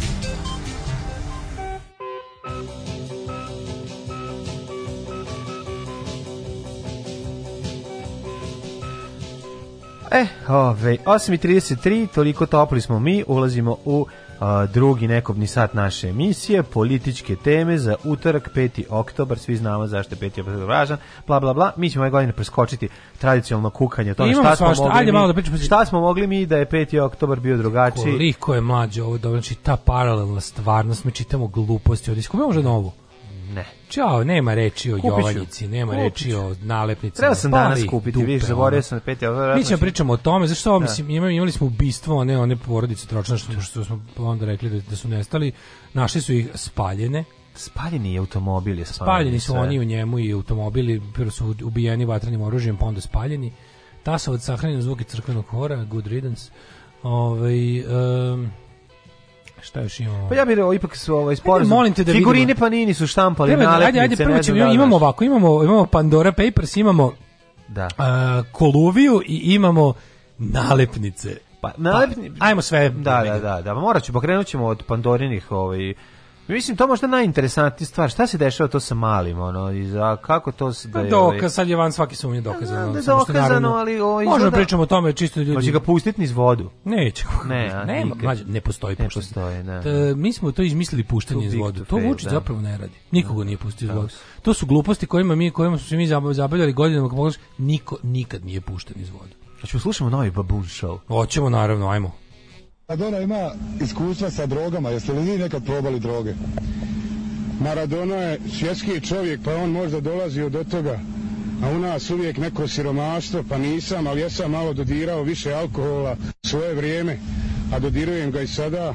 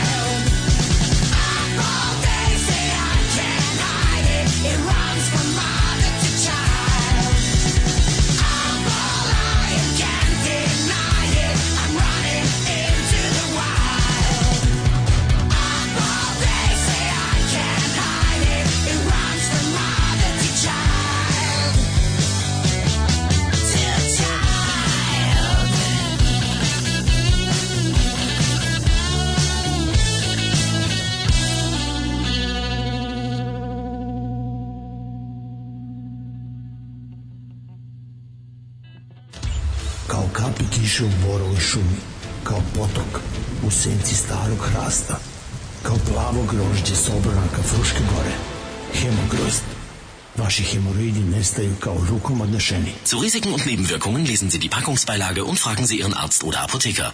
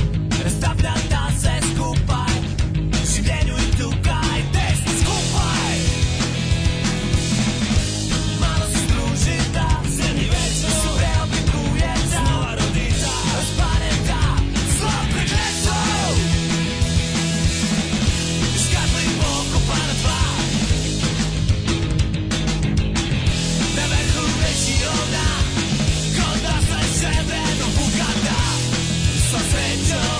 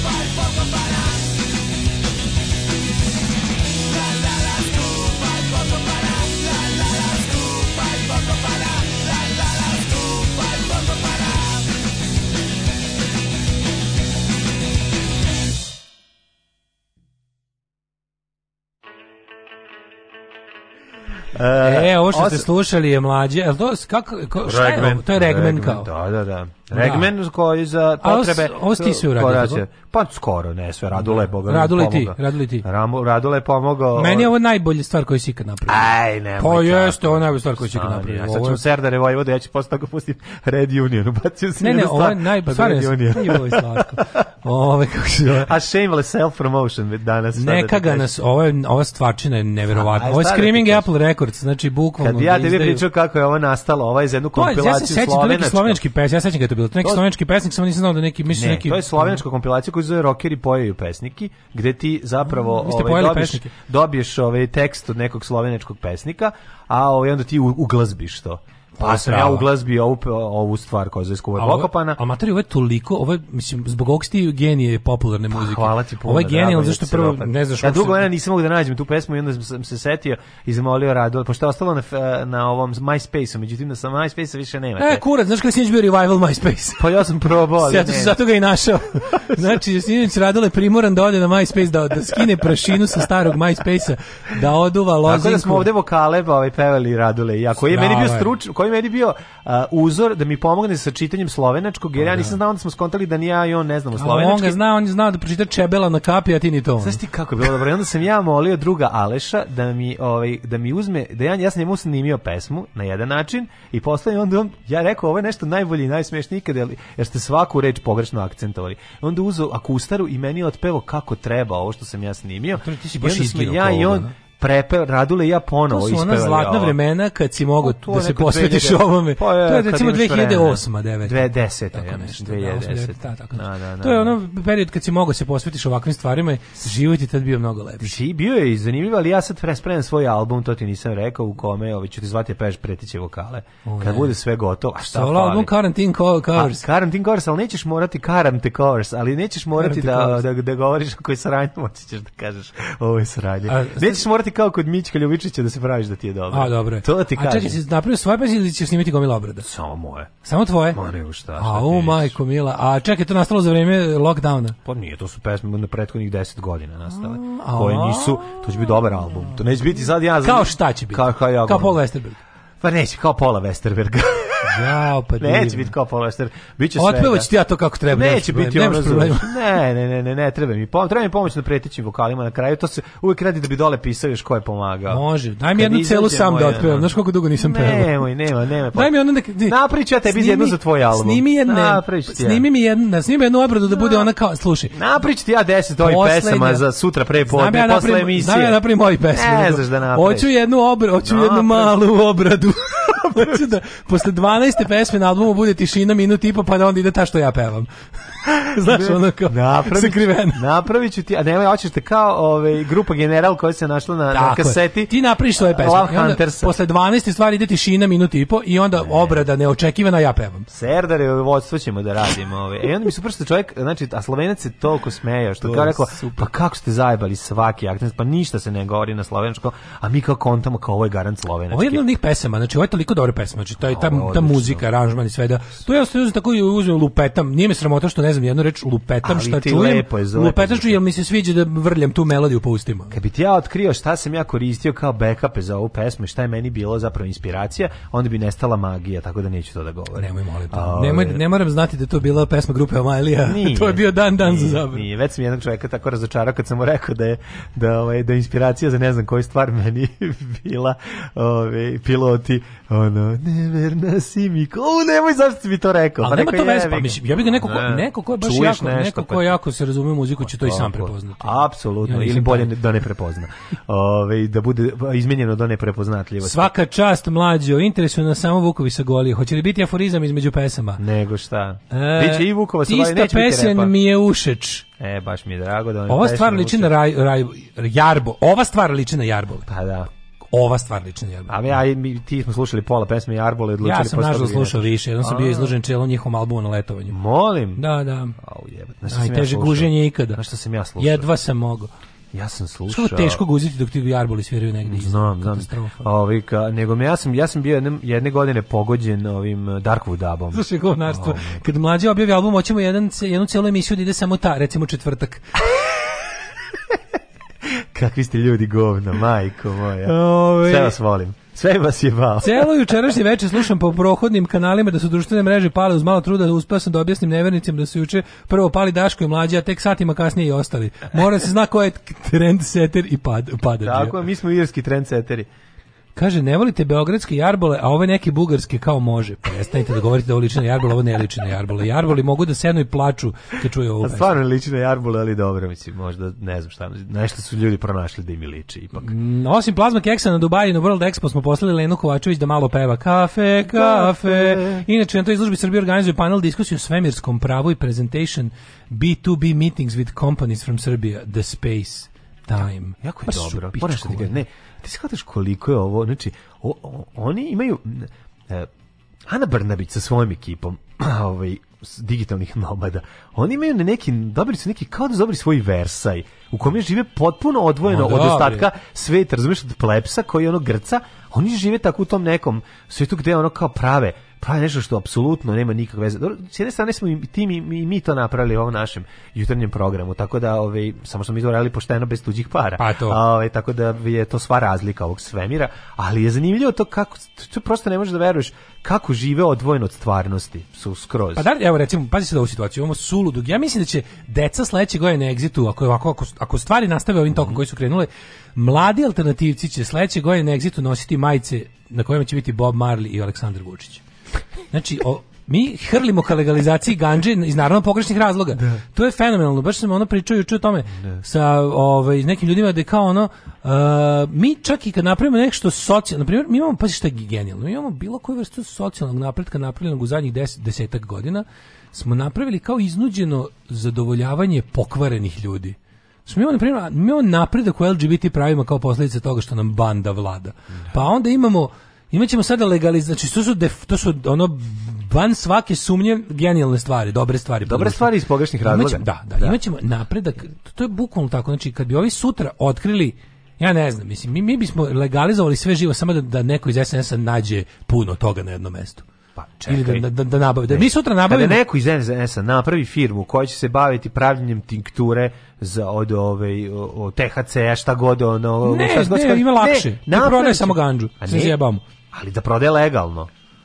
Mislim da postaće legalno ono što će u čemu će oni moći konačno da naprave svoj posao gde će zarađivati pare. Mislim tako će se ali mislim da se razumemo tako to funkcioniše na višim nivoima i Pa svuda ne, u ali mi svetu, ali kod nas je to baš nekako moja, te, moja teorija, pazite, za predviđenje budućnosti.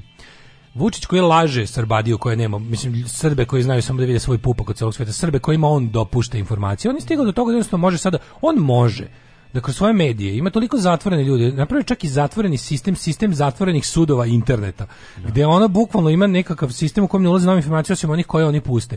On on ima jedno 2 do 3 miliona ljudi u Srbiji kojima može bukvalno da kaže bilo šta i oni će to poverovati i to je super za stvaranje društvene klime ove ili one. Evo recimo ja ja ja sam siguran da će stvari super da je to put ka Evropskoj Pošto smo slušali go voli dupe naravno. Pa naravno. Pošto smo slušali o tome, pošto je predsjednik lično, znači Da. ovo je, ovo je, ovo je, kako ti kažem, ovo je kraj pravosudnog sistema. Mislim, bukvalno svako radi u pravosudnom treba samo da, da ostane kući. Kaže, jebite se, ne mogu da radim, mislim, nema smisla. Kome ja, ono, vršim istrage, vr- ono, donosim presude, čitam, pišem obrazloženja, zajebavam se, kome ja to radim? Predsjednik, ono, u toku procesa čoveka, koji je pušten da se zra- da, da, za najveći slučaj gajanja i dalje jebi ga ilegalne droge u našoj zemlji on ga brani, on kaže, mislim, on relativizuje njegov da. S druge strane, oni sada pričaju o tome kao šta on ima možda tonu. Moj drug Cef je zbog par stabljika u dvorištu platio krvavu cenu, jedan od Ne, najboljih ne- ljudi bio- koje bio poznajem. godina, koliko je? Godinama je bio, znači ono Da. godinama je bio Vuk pod zatvorima upropastio zdravlje. Znači kakve on, kakav on pakao prošao po tim ono kazamatima zbog ono bukvalno ničega.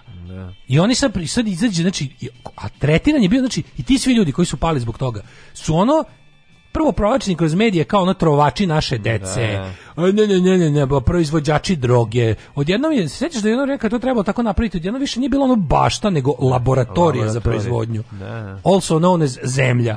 Znači ono kao, kao to, laboratorija. Evo ima laboratoriju za proizvodnju ganđe u Zrenjaninu što je bilo ono tri kvadrata njegovog dvorišta. Ono. Da, koji pravi sebi da puši. Pa otprilike bukvalno. Ili pazite, to je čovjek koji je ono to je ono najpoštenijih, naj ono jedan ono mislim svako ko zna kako koji ima čast da ga upozna, ono zna da je to ono jedan od najpoštenijih, najboljih, naj ono kako ti kažemo, ono jedan idealista, ono super čovjek. Sve oni su njega optužili da je otprilike on, on je prošao kao da je kakav bre ovaj Koluvija, znači Koluvija je ono za, za ono kako su to pre, to tad predstavili. Ne samo njega, nego mnogi ljudi koji su tokom godina kad god je trebalo da policija ispadne sposobna i da se pokaže da mi kao nešto radimo, uvijek je bilo kao nešto u velikoj akciji pa neko gromoglasno ime. Da. Neki ono balkanski balkanska sekira ratni, 6, da, da, da. ono grom Peru na 12, Krvava krvava mačeta. osveta cara Dušana, akcija u sranju u, u Svibor. Uhvaćeno je, ne znam, zaplenjeno je 156 kg narkotika, onda rasklanjaš, vidiš kao da je toga 155 i, i 900 grama Gandža. marihuane sveže, koja je još i ono teža kad je sveža, što ovo se rimuje, a ovaj kako se zove, A greškom izvadio pandur iz džepa ovo što je imao. A Pa ostatak pa su ono, a ostatak. su Rivotril, Artan, e, dva ono grama heroina i pet paketića spida. I to je ta nenormalna akcija zaplene nevjerovatnih narkotika. E sad odjednom kada je njihov čovek, kada su I oni 16 čaura spremali, maka. da, kad su oni spremali državno tržište, državnu kombinaciju, odjednom predsjednik države ladno izlazi da priča da to nije ništa. To nije ništa. Ja. A kako to počinje? Tako što prvo Đuka, ono taj, pazi, on bi za to što radio mora bude, trebalo da mu bude oduzeta advokatska dozvola. Odma.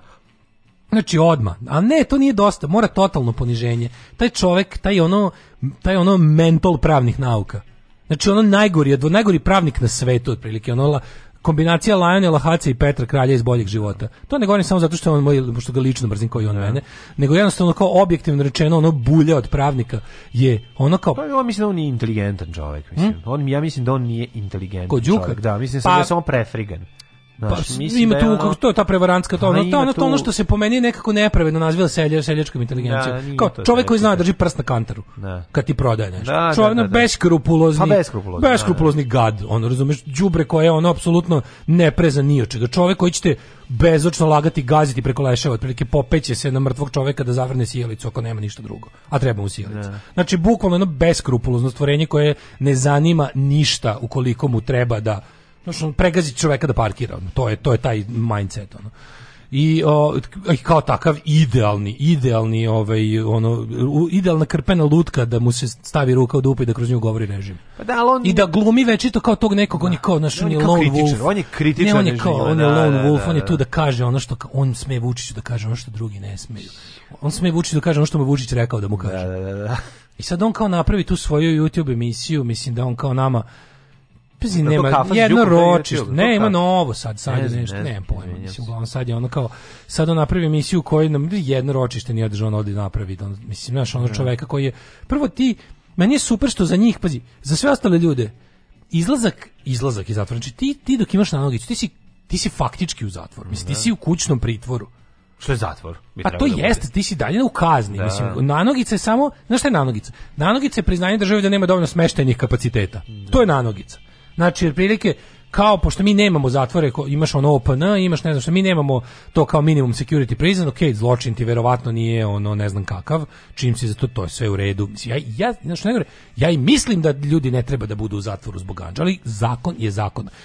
Ako ste to koristili da ubijate volju, slamate ljude, gonite političke protivnike i generalno pravite teror, sad odjednom naš, ono, vaša izuzetost je nešto drugo. Vi možete, za vas ne važe zakone koje ste sami donosili. E, on njega jednostavno ti na kraju krajeva, ti kada imaš nanogicu, ti si dalje prvo, ti, on nije pušten, nije oslobođen. On je pušten, to je neka vrsta ograničene slobode da ne bi bio u pritvoru, on tek treba da bude suđen za to što se dešava. I kao takav, on ima propisana ponašanja, ta nanogica ide uz gomilu stvari koje su ono kao jasno propisane. On je, on je tim intervju kod ovog prekršio sve. Pa prvo kako, Sve. da, da. A da. prekršio je njegov, pazi, prekršio je njegov advokat koji to ne može da radi.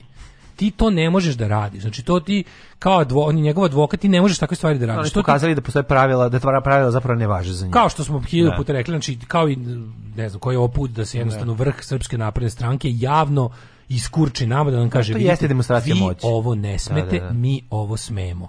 I jednostavno to je to. A za te stvari uvek puste čoveka za kojeg znaš da ćete... Znaš, oni uvek puste tog nekog najodvratnijeg lika da te najviše ponizi. Jer najviše boli kad te zajebava tako neka potpuna kretenčina. Znaš, da, znaš, oni tačno znaju kad će koga da puste. Zna se kad se pušta Martinović, kad Rističević, kad Đuka. To, to su heavy guns za ispižđavanje ljudi. Jer ono kao, znaš, nije isto, bukvalno nije isto kad te zajebava, najteže ti pada kada te zajebava čovjek koji je po svemu gori od tebe.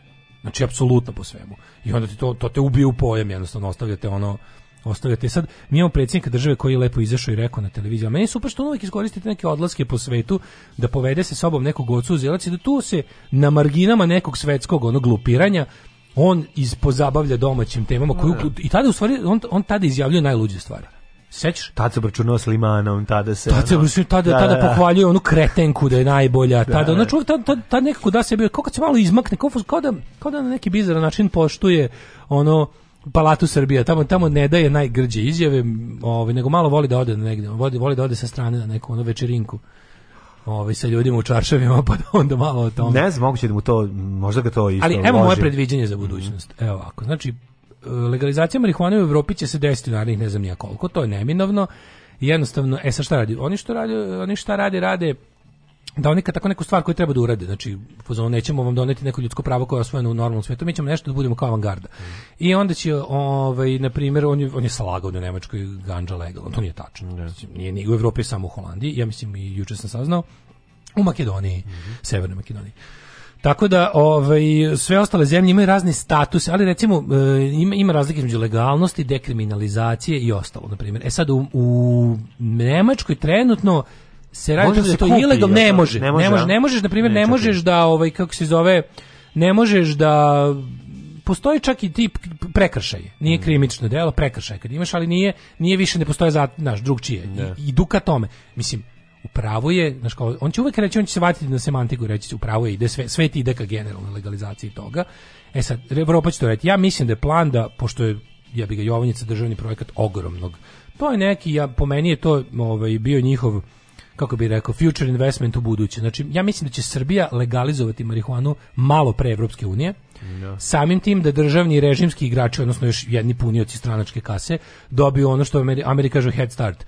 Znači da dobiju jednu prednost i da ćemo mi imati ozbiljnu ovaj, industriju toga, No, sam industrijom ćemo imati... Biće jedna ozbiljna poljoprivredna grana koja će biti potpuno kontrolisana od strane Srpske napredne stranke. I onda će to biti jedan legalan posao i mi ćemo taman kada kada je Evropska unija... oni će- turizam onda, mislim. to, to može čak biti uređeno i u dogovoru sa. Evropskom unijom. Na kraju krajeva mi vidimo da sav, na, sav naš, ono kako ti kažem, i, i dobre stvari koje urede, ali pogotovo stvari koje nas ovde stavljaju u nekakvu e, proizvođačku snagu periferije Evrope je pozdravljen od strane Evropske unije, da je to Vučićev, zapravo glavni zadatak ovde. I ja mislim da je zapravo to plan, da oni nas kroz ovaj način, ja bi, neko je morao biti, znači ti kad krećeš da radiš nešto u periodu kad je to još uvek nepopularno i ilegalno. Ti znaš, mislim, mi smo imali pre šest mjeseci Vulina kako hapsit ćemo za joint, sećaš se onog, onog monologa. da. Koliko mogu ja ću dati, pa sklonit ću te makar na šest mjeseci da mi ne truješ decu. Sećaš se Da, toga da, da, da, da, da. kad je postao A ministar to uvijek policije. tako bude. I onda se okrene sve bude suprotno. Znači da ono najčešće bude tako, da. da. A super što oni uvijek puste Vulina da bude taj što će da- na kom će da ispadne Da, ono da, sve da, da. smešno. To mu posao. Da, ali ti kažem da mislim, mislim da je to neki plan da će da će Srbija malo pre Evropske unije, kada Evropska unija kao kao jel savez država, donese odluku Srbija će malo ranije i mi ćemo biti spremni onda da naša ta ovi, nova privredna grana, a super je što se ovim šta se radi, ta privredna grana koja će biti značajna i velika i unosna, će biti skroz pod kontrolom Srpske napredne stranke. Woo, generator! Ajmo! Better Legion! Alarm sa mlađom i Daškom.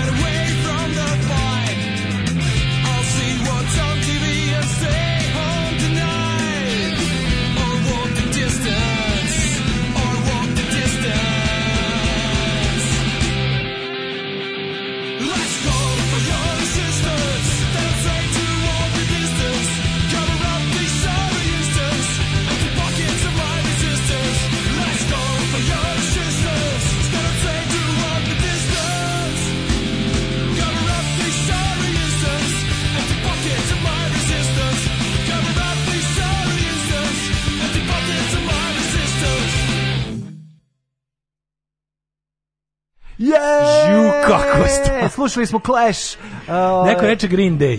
Liči na Green Day. Hvala, hvala. Liči, liči na sve što su inhalirali u mladosti i u Šta starosti. kaže Mišo Kovač da ima emisiju, pušta bi svoje pesme. Pa naravno. Ljudi, ovi kako Znaš se zove- recimo Marku Vidojkoviću nađu joint pa dobio bi dožu. E to je, o tome se radi. Tako Da. je, bukvalno. Da, da, jeste, Bukvalno. Sad treba iz protesta svi opozicijni borci da sede da duvaju na ulici. Ono. Pa da vidimo. Ono. Jedan. Joyus. Da. Jedan Joyus. Ove, um, kaže ovako.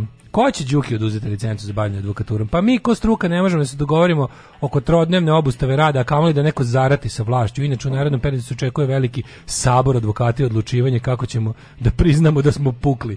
Da, naš drugarica koja je isto ono, advokatica mi redovno šalje te tako neke njihove ono, interne prepiske. To je stvarno Znači, mislim, to je ona priča o tome da SNS zapušava apsolutno svaku rupu kako su bukvalno svugde ubacili svoje ljude, kako je to tužno. Pazi, još se advokati batrgaju, nemojte biti tako, don't be so hard on yourself, ima tu, ima tu gomila stvari, koje, gomila bačenih kosaka i sranja, znači ja sam se toliko skenjao kad sam video zapravo šta stoji iza onog, onog mehanizma tuženja EPS-a, recimo, onog što ja pomislio da postoji neka vrsta, mislim, one budalu, ono, Pa to ti kažem. Ono, ono, uglavnom je... mi kad mi željni pravde i Nema nekako, toga, ono, to želimo da vidimo stvari koje grupe, znam, ono. znam, znam. I to je. Ali kad pomisliš za nešto kao jebote, pa ovo je bar kao kako sad izo, kako ovo može se pretvori u nešto lukrativno i kriminalno? Može. Pogledaš na primjer te kad su mi objasnili kako funkcioniše, kako zapravo SNS profitira od tužbi građana protiv EPS-a. Pa to je genijalno. Ja kad sam vidio, da se po gradovima Da. otvaraju te kao kancelarije u kojima rade ti priučeni sveže svršeni advokati, neki pravnici ovaj koji svi rade za SNS i kao graj, besplatno podnosimo tužbe ako vas je EPS oštetio. Znači sve, a to u stvari EPS namerno pravi. Znači SNS-ovi ljudi u EPS-u prave namerno greške na računima ljudi, onda ovi Onda to dolaze onda vi kao- za male pare tuže, Da. tuženim advokati nabiju sudske troškove, jer to se tako mora Da. Onda se ta, ta odšteta koja je bedna se isplati tom ko je tužio, a zapravo ovaj Glavnu lovu uzmu. Zapravo glavnu lovu uzmu Da, te da, kao da. navodno dobro dobrotvorne advokatske kancelarije koje rade pro bono za oštećene građane i taj iz EPS-a koji je zapravo to je pretvaranje državnih para u privatne. Kapiraš? Ja namjerno napravim štetu Da. u preduzeću kojem je dato na upravljanje i onda platim odštetu tebi, a dogovorim se da odštetu podelimo. Pa da. Kapiraš? Onda sam ja taj novac koji nisam mogao da imam kao svoj, pretvorio u svoj tako što sam ga podelio s tobom. Pa da. Jebote, i onda se tako čemu mi pričamo? Pa misliš kao, znaš, kao, e, kao, ne, kao postoje... Tako postoje kao funkcioniše advokatske- sve. Misliš kao to je naš ACLU, ono tri kurca ACLU, ono. To ne postoji, Sutra, to mal kod nas ništa, bre, sve, sve je naprednjačka prevara, svaka. Sve u ovoj zemlji, znači kad vidite nešto, pođite s time da je naprednjačka prevara. Znači kad vidite nešto dobro, kažete, čekajte, sigurno nisam dobro video. Iako posle 60 nivoa provere stvarno nije, e onda je možda nešto pošteno i pravo.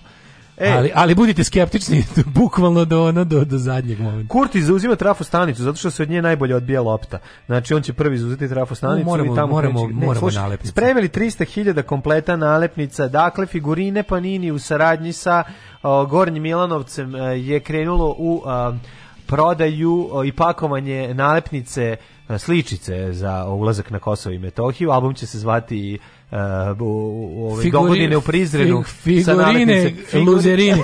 figurine luzerini. E, figurine luzerini zvuči kao neki albanac stvarno, neka Stvarno, albanska da, pesnika, da, da. figurina luzerini. Ali nije loše se album Ali Dogodine u fore što su Prizrenu. luzerini Srbija, naravno, nego dogodine u Prizrenu. Znači, Da, da, je tako se zove album sa sličicama. Ja imam pitanje. Sličice se ne lepe u album, Evo. nego se lepe na ove preko Ja imam pitanje. preko registarske tablice. Imam, pošto ne znam, znaš šta se radi? Ne znam, sad ću pročitati. Pa ček, sad ću ti Da, da. objasniti. Možeš pročitati isto ako hoćeš. Pa, ajde, da, da, da. Pročitaj, ne, u stvari pročitaj kako su to objasnili u kuriru, a on će ti kaže šta je zapravo. E, p- primjena druge tačke sporazuma o registarskim tablicama na svim administrativnim prelazima počela juče da se primenjuje i postavljanje nalepnice na tablice odvijelo se bez problema, saopštila kosovska policija. Kako je navela, prethodno su izvršili sve ne, e, neophodne pripreme za početak primjene sporazuma, dakle sklonili su sve bube koje su ti se nalepile na registarsku tablicu da bi mogo da zalepiš i u ljudskim resursima i u logistici. Prethodni šef e, prištinske delegacije sa dijalogom Beogradu izjavio da je Kosovo obezbedilo 300.000 kompleta nalepnica. Taj broj nalepnica biće dovoljan za narednih šest mjeseci, odnosno za postizanje kočnog dogovora, jer prema informacijama nadležnih institucija Kosova i Srbije u tom periodu uđe toliki broj vozila. Imamo sliku e, gde ovaj, jedna gospođa i jedan gospodin lepe nalepnicu. E sad, ja ne znam. To ona plavuša što čuči kod kola. Ima plavuša Stalno ona sirota, on će postati ono kao ono, Da, da. kao ono On morna, mornar i medicinska sestra što se ljube na kraju drugog svjetskog rata Da, ili ono da. dete iz Varšavskog geta. Tako će ova ču- čučkinja kod kola postati ikonička Tako je. ono slika Ona je u stvari sr- srpske pobede. Kosovka devojka koja Dva, hrani, koja- hrani posrnuli automobil. posrnulo ovaj, Clio. la- lagunu, ovim, da. kako se nalepnicama. A nalepnice su K kao Kosova. neka- pa ne, nego ona KŠ, KŠ tabla, ona, ona sa kruševačkim tablicama hoće da ide... A, ovaj, ne vidim šta je, zato te pitam malo. hoće s kruševačkim tablicama na Kosovo i mora da prelepi grb, grb Srbije. Mhm. Kapiraš? Diplomatska pobeda Vučića u Briselu, u kojem smo razvalili Dobro, Kosovo je tada, pazi ovo, ali ovo je stvarno jebo mater, ako je moglo, ako je moglo, evo ja sad govorim sa stanovišta patriota i nacionalista. Evo. Znači, ovi su imali, do sad su imali ono kao, ne znam, sporazum da, da dodaš ono neku privremenu tablicu. Pa kao, ali na neki način si ti ono, gde- kad, kad hoćeš sebi da opravdaš šta je to bilo, bilo je kao jebi eto stavio sam tablicu regije Srbije u koju ulazim, na primjer. Da. Pričamo o Kosovu. Tako ja hoću da gledam, jer jako želim da Kosovo Srbije.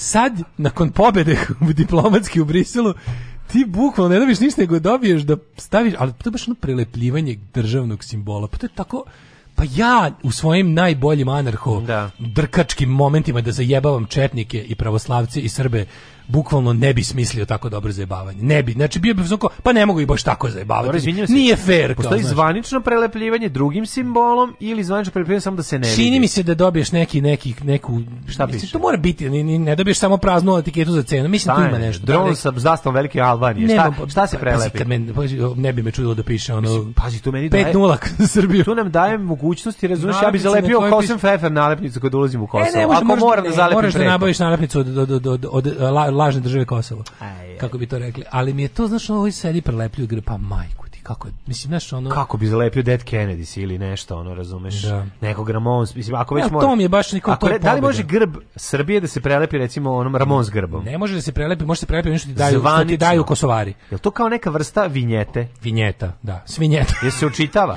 Jesu postavili, jesu i oni uspeli da izvuku iz budžeta pare da ono Da, nabave? apsolutno, naravno, da, nabave da, da, one mislim, kao- pazi, kapiram da i mi nešto prelepimo. vinjete. Mislim, istini za volju i mi prelepljujemo nešto, verovatno, kosovskim tablama kada hoće prođu kroz nas da, 100%. da odu negde. Ono. Šta je mi lepimo? Kaže, dobiješ crnog orla da prelepiš belog.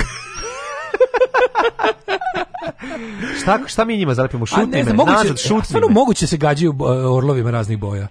Mi njima roknemo belog preko crnog, oni nama Or- crno preko orlovi belog. nalepljeni lepe. Orlovi rano lepe. Da, rano lepe. Orlovi rano lepe. Ali Orlove, ono- orlove, ra- orlove rano, rano lepe. lepe, da, da, da, eto, znači, dobar naziv. diplomatska pobeda, ono, ali ne znam da li postoji, ali to je bukvalno mlađe, kako se to zove kada ti imaš nešto i napraviš gore, šta je, postoji veći simbol od ono kao uklanjanja ili defacinga državnog grba, od, od toga da te pobedio neko jebote. To je ono kroz istoriju simbol. jebote. Jeste li ti... Genijalno, genijalno. i dalje, stvarno. dale je to administrativni prelaz, a ne granica. Kako ne shvataš, što je poenta priče? Mislim, na kraju krajeva, on, je- da, on će biti, mislim- mislim, on obja- objašnjava da tona ove, marihuane nije ništa, on, mislim, on će na kraju njima objasnit će kada zvanično Srbija prizna Kosovo svim mogućim ono potpisanim dokumentima koje on neće potpisati nego Ana Brnabić ili neko drugi, treći, Ivica Dačić i onda kad sve to kad se Da. završi, on će sesti i reći, jeste vidjeli kako nismo priznali Kosovo? Da, on će i na kraju se sesti i reći, vi ste li kako nismo priznali E. Kosovo? Ko je, evo, ajte reci smo priznali, a ovaj, A čekaj, pored je- njega će sedeti onaj srđan nesretni i reći će, pa nismo priznali. Naravno. Pa on će reći, pa Stigla jedna poruka koju sam se ja juče za isto Da. zapitao bukvalno od reči do reči. Pošto je diplomatska pobeda tako velika. Šteta je, mislim nije fair da budu povlašćeni ovi sa ovi koji što, što su sa Kosova ili idu na Kosovo Da. u Srbiji. Mislim to je jedna velika diplomatska pobeda naše domovine Aleksandra Vučića na prvom mestu. Domobir se brani nalepnicom. Nalepnicom, naravno, i Da. sve mislim, št- zašto mi koji živimo u ostatku Srbije ne možemo malo da uživamo u toj diplomatskoj pobedi? Zašto bi kos- ljudi sa Kosova Tako je. i zašto mogu ja da prelepim grb iako ne idem na Kosovo, Ne, što neko reče, nisam bio na Kosovu, niti ću ikad biti. Da, da zašto ne mogu ja da nabavim nalepnicu i da malo prelepim grb Kad je to teritorija srpski po Srbije. Novom Sadu? Da. Mislim, to je Evo jednako ideja, Srbija koji Kosovo. Kad se prelazi iz Beograda u Zemun, da se ne, zalepi. nego da furamo svi nabavite nam te nalepnice, da svi Pa zalep, da. mislim, hoću i ja da osetim diplomatsku pobedu ovde. Svakog prokletog radnog jutra. Još da piješ nešto? Pomogu bi jedan vinjak ako imate. Baš. Alarm sa mlađom i Daškom. Alarm.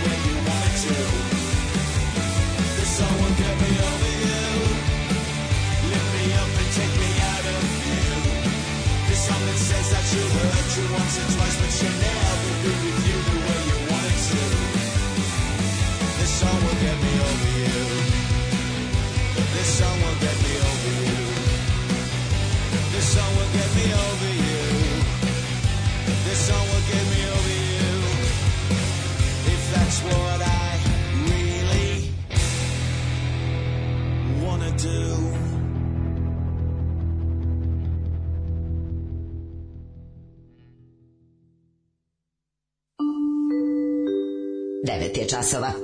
Radio Daško i Mlađa. Prvi program. E, o, u 9 sati i 16 minuta, eto nas ponovo kod vas i prosto da li ja ne možemo se načudimo. Kakva stvarčina Stranglersa. Slušali smo novu stvar od Mhm. Stranglersa. Ovo je posljednja stvar u kojoj je Dave Greenfield, njihov legendarni klavijaturista, uspio da snimi ove svoje klavijature, This da, Song, da. da, da. U spotu je Stuart Pierce, Stuart Pierce kako je možda? koji je razbio. Kakva facetina Nisam jebote, očekivao da će ono. 2021. odlepiti na pesmu Stranglersa, koja je kombinacija savremenog Ja da ću zvuka odlepiti na fudbalera, a kada nije fiks. genijalnih klavijatura koje zvuče kao ništa drugo u rock'n'rollu.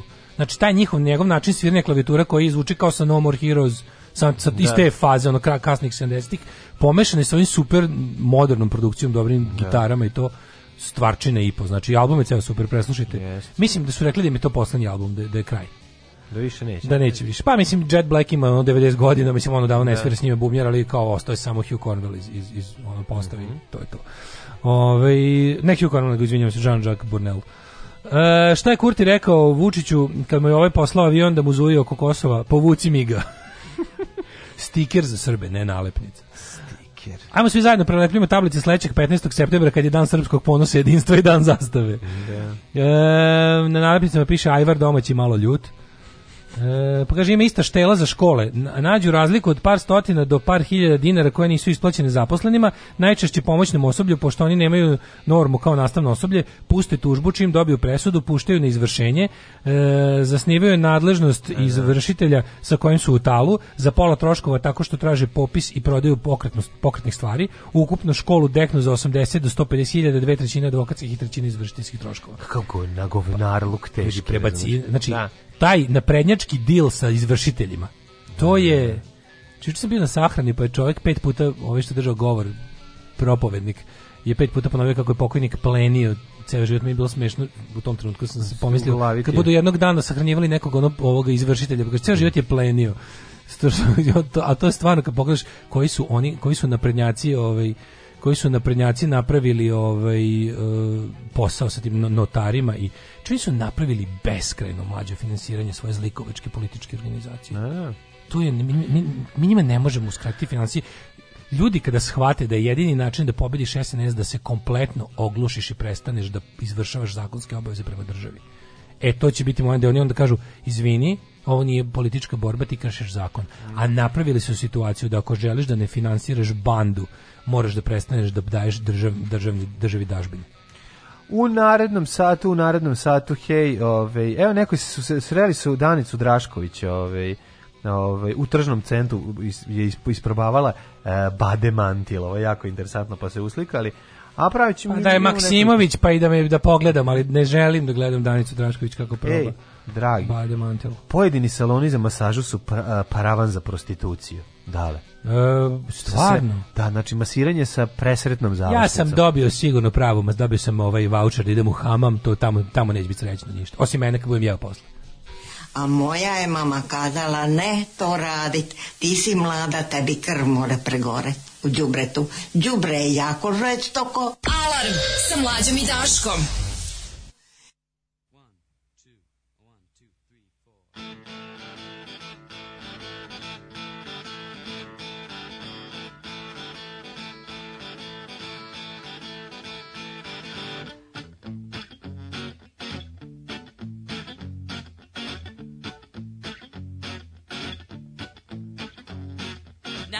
Had the courage, I'd pour into your jaw all the things that I have heard you whisper in the dark.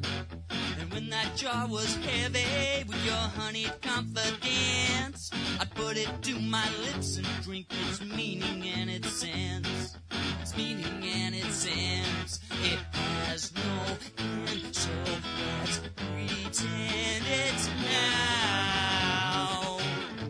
Let's get started now. Let's get started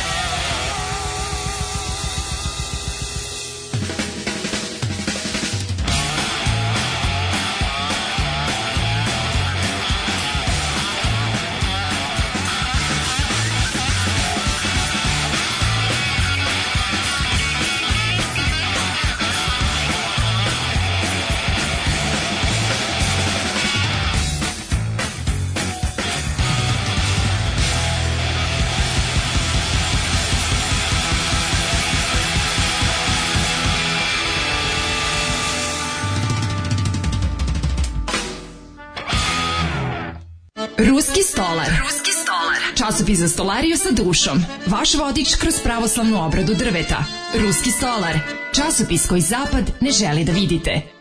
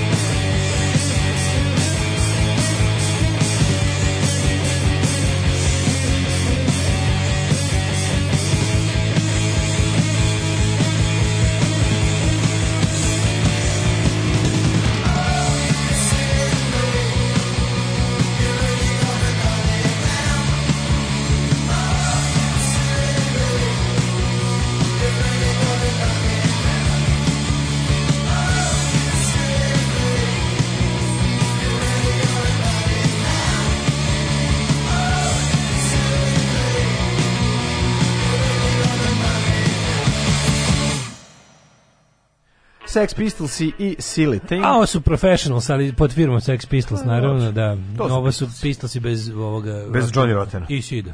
Da. To su stvari njih dvojice su napravili. Pa dobro, to su Pistols. Sve Paul Cook i Steve Jones bogovi. Paul Cook, Steve Jones su meni isto Pistols. Kakav blok, mo- bravo. Može Metlok, može bez Metloka, može Sida, bez Sida, Da. Rotten je dobar. Ali ne može bez Paula Cooka i ne bez bez, Steve bez Jonesa. Paula Steve Cooka i druge polovine Steve Jonesa. Obožavam. Ovaj kakav blok, bravo. Hvala. E, fotkali se Paul Pogba i Nada. Topčagić. Da, da, da, fudbaleri. Na rođendan Zlatana Ibrahimovića. Nadi, iz- napravili su iznenađenje Zlatana Ibrahimovića, doveli mu Nadu Topčagić da mu peva ono, jutro je, jutro je. Je poludeo, je poludeo. Kad je, znači, to ko tebi dovedu od Joe Stramera? da, da, da, Znači, tebi Joe Stramer da dođe. To nešto Sjajna muzika danas. Će Hvala, biti Jet. Set, Daško kaže koliko se loži na Kiju Kockar, samo vam kažem volim vas. Mhm. Ovaj, stara moranska poslovica kaže ko guzi od jarbola, jarbol mu sam padne. Juče sam slušala Butch Cassidy mimo ove emisije i nisu loši. Bravo. Mm, ovaj, valjda to što ih pljujete, a i zbog daleta, zli, zli slušalci. Ne pljujemo i bre voli ih Daško, šta je? Ne, pa kao zbog mene, na, pljuju, da bi mene nervirali to. Da, e, ima da. nešto, nešto, kaže, ovaj, šta je ovo? Uh, idite na Savski nasip Facebook da pročitate objavu, Mhm. nešto u vezi, nemam pojma. Aha, ovi što dolaze da ovaj ova ekipa što dolazi da parceliše i merka gde će da im pod, na, na, na, na- stave rudnik. Je li tako? Da, da. Ove, ajmo još, izvinjavam se, znamo da treći sad treba bude onako šaljivo, ali pa- ovo je šaljivo, mislim, ovo je smešno. Pandorini papiri. Pa, Pandorini papiri, po, na, after the massive success of panamski papiri. Mhm. Ove, stižu Pandorini papiri, Pandorina kutija puna papira. E, a slušaj sve, slušaj naslov. Kako- Pandorini kako je to- papiri, kako je to? Siriše malog nigde nema. Slušaj, Samo Đukanović. Pu- Putinova ljubavnica kupila stan u Monaku, I češki, Đukan- Đukanović. češki premijer ima dvorac u Francuskoj, Blair izbegao da plati 310.000 funti poreza i tako dalje. Pazi, za. Blaira su jedno procedili jer ovaj radi za Vučića. Ali Da, radi da. se o tome da, da, ovo je bila jedna velika tura otkrivanja vlasničkog udjela i neprijavljene imovine političara Mhm. sadašnjih i bivših ovaj, šefova država i moćnika svetskih, što bi se reklo. Znači, fokusirali su se na njihove a, kako bih rekao, zakukuljene vlasničke odnose, odnosno ideje da su ti Pa ljudi dobro, u koji bi trebalo da koji bi trebalo da. Sad ja ne znam tačno kako je to u kojoj zemlji, da li je u svim zemljama zabranjeno da se predsjednik bavi ovaj em, biznisom. Ne, ne radi se o tome. Znaš šta je problem? Problem je o tome kada da tvoja nisu- primanja godišnja Pa prevazilaze prijavljene prevazilaze prijavljene prihode, zapravo za, postavlja se pitanje ovako. Ne, ne, postoje zemlje, imaš- mlađe, postoje zemlje u kojima je zakonom zabranjeno da predsjednik bude, je. bude biznismen. Jer je ono kao to su da je kod nas zabranjeno. Pa ja ne znam da li je kod nas. Ja mislim da kod nas na pet godina nakon toga ne E, možeš da moguće. utičeš na ima A neki da, ima to, zakon. ima to, da, ali to nije tako formulisano. Kod nas je formulisano da tipa ne možeš da Ne može, ima neki. ne možeš da budeš lobista i ne znam šta Ne, ne, još ne, ne, kao. Postoje tačno pet godina, sad ću lupiti pet godina. ne, ne, neki nije period, znam šta hoćeš da kažeš, da. nakon tvog ovaj, uh, Odlaska s funkcije. Odlaska s funkcije ti zapravo ni, ne možeš da koristiš što je veze koje si jel da stekao kao predsjednik i Naravno, trebalo mislim, bi da to... dolazimo do same suštine. Ljudi se ovdje politikom bave da bi se obogatili, da, Da. bi proširili svoje poslovna carstva A ili, ne ili već počeli, ljudi da a postaju, ne da, samo da. to, nego se ne bave ljudi iz jednostavno iz želje da pomogu. Znači, ova politika bi trebalo da bude želja da se...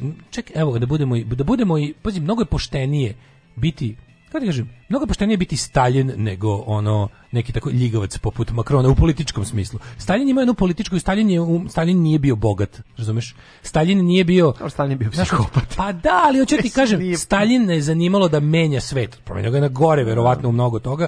Mislim, ali ono radi se o tome da je ono kao A dobro, Stalin teško je je- bio u tom je- nekom smislu pravi političar. Nije bio ono nije bio poslovni mu, pa bio je pravi političar. Njegove političke odluke jesu dovele do ovog ili onog. on je Ali bio- hoću ti kažem da on je je bio ludak, mislim. Dobro, samo ti kažem ono da postoje e, postoje e, nije napravio nije se bavio politikom da bi sklonio crne fondove, kupio dvorac u Francuskoj da bi pričao da je ne znam za komunizam i ne znam šta, u stvari imao kapitalističko preduzeće mimo granica Da, Sovjetskog da, saveza. da. To je razlika. Jeste. Znaš, čak mi je čak i ali je- političar čak to ne može da ga opere. a ne perem ga ja uopšte, nego govorimo, o to, govorimo samo o motivu bavljenja Da. politikom.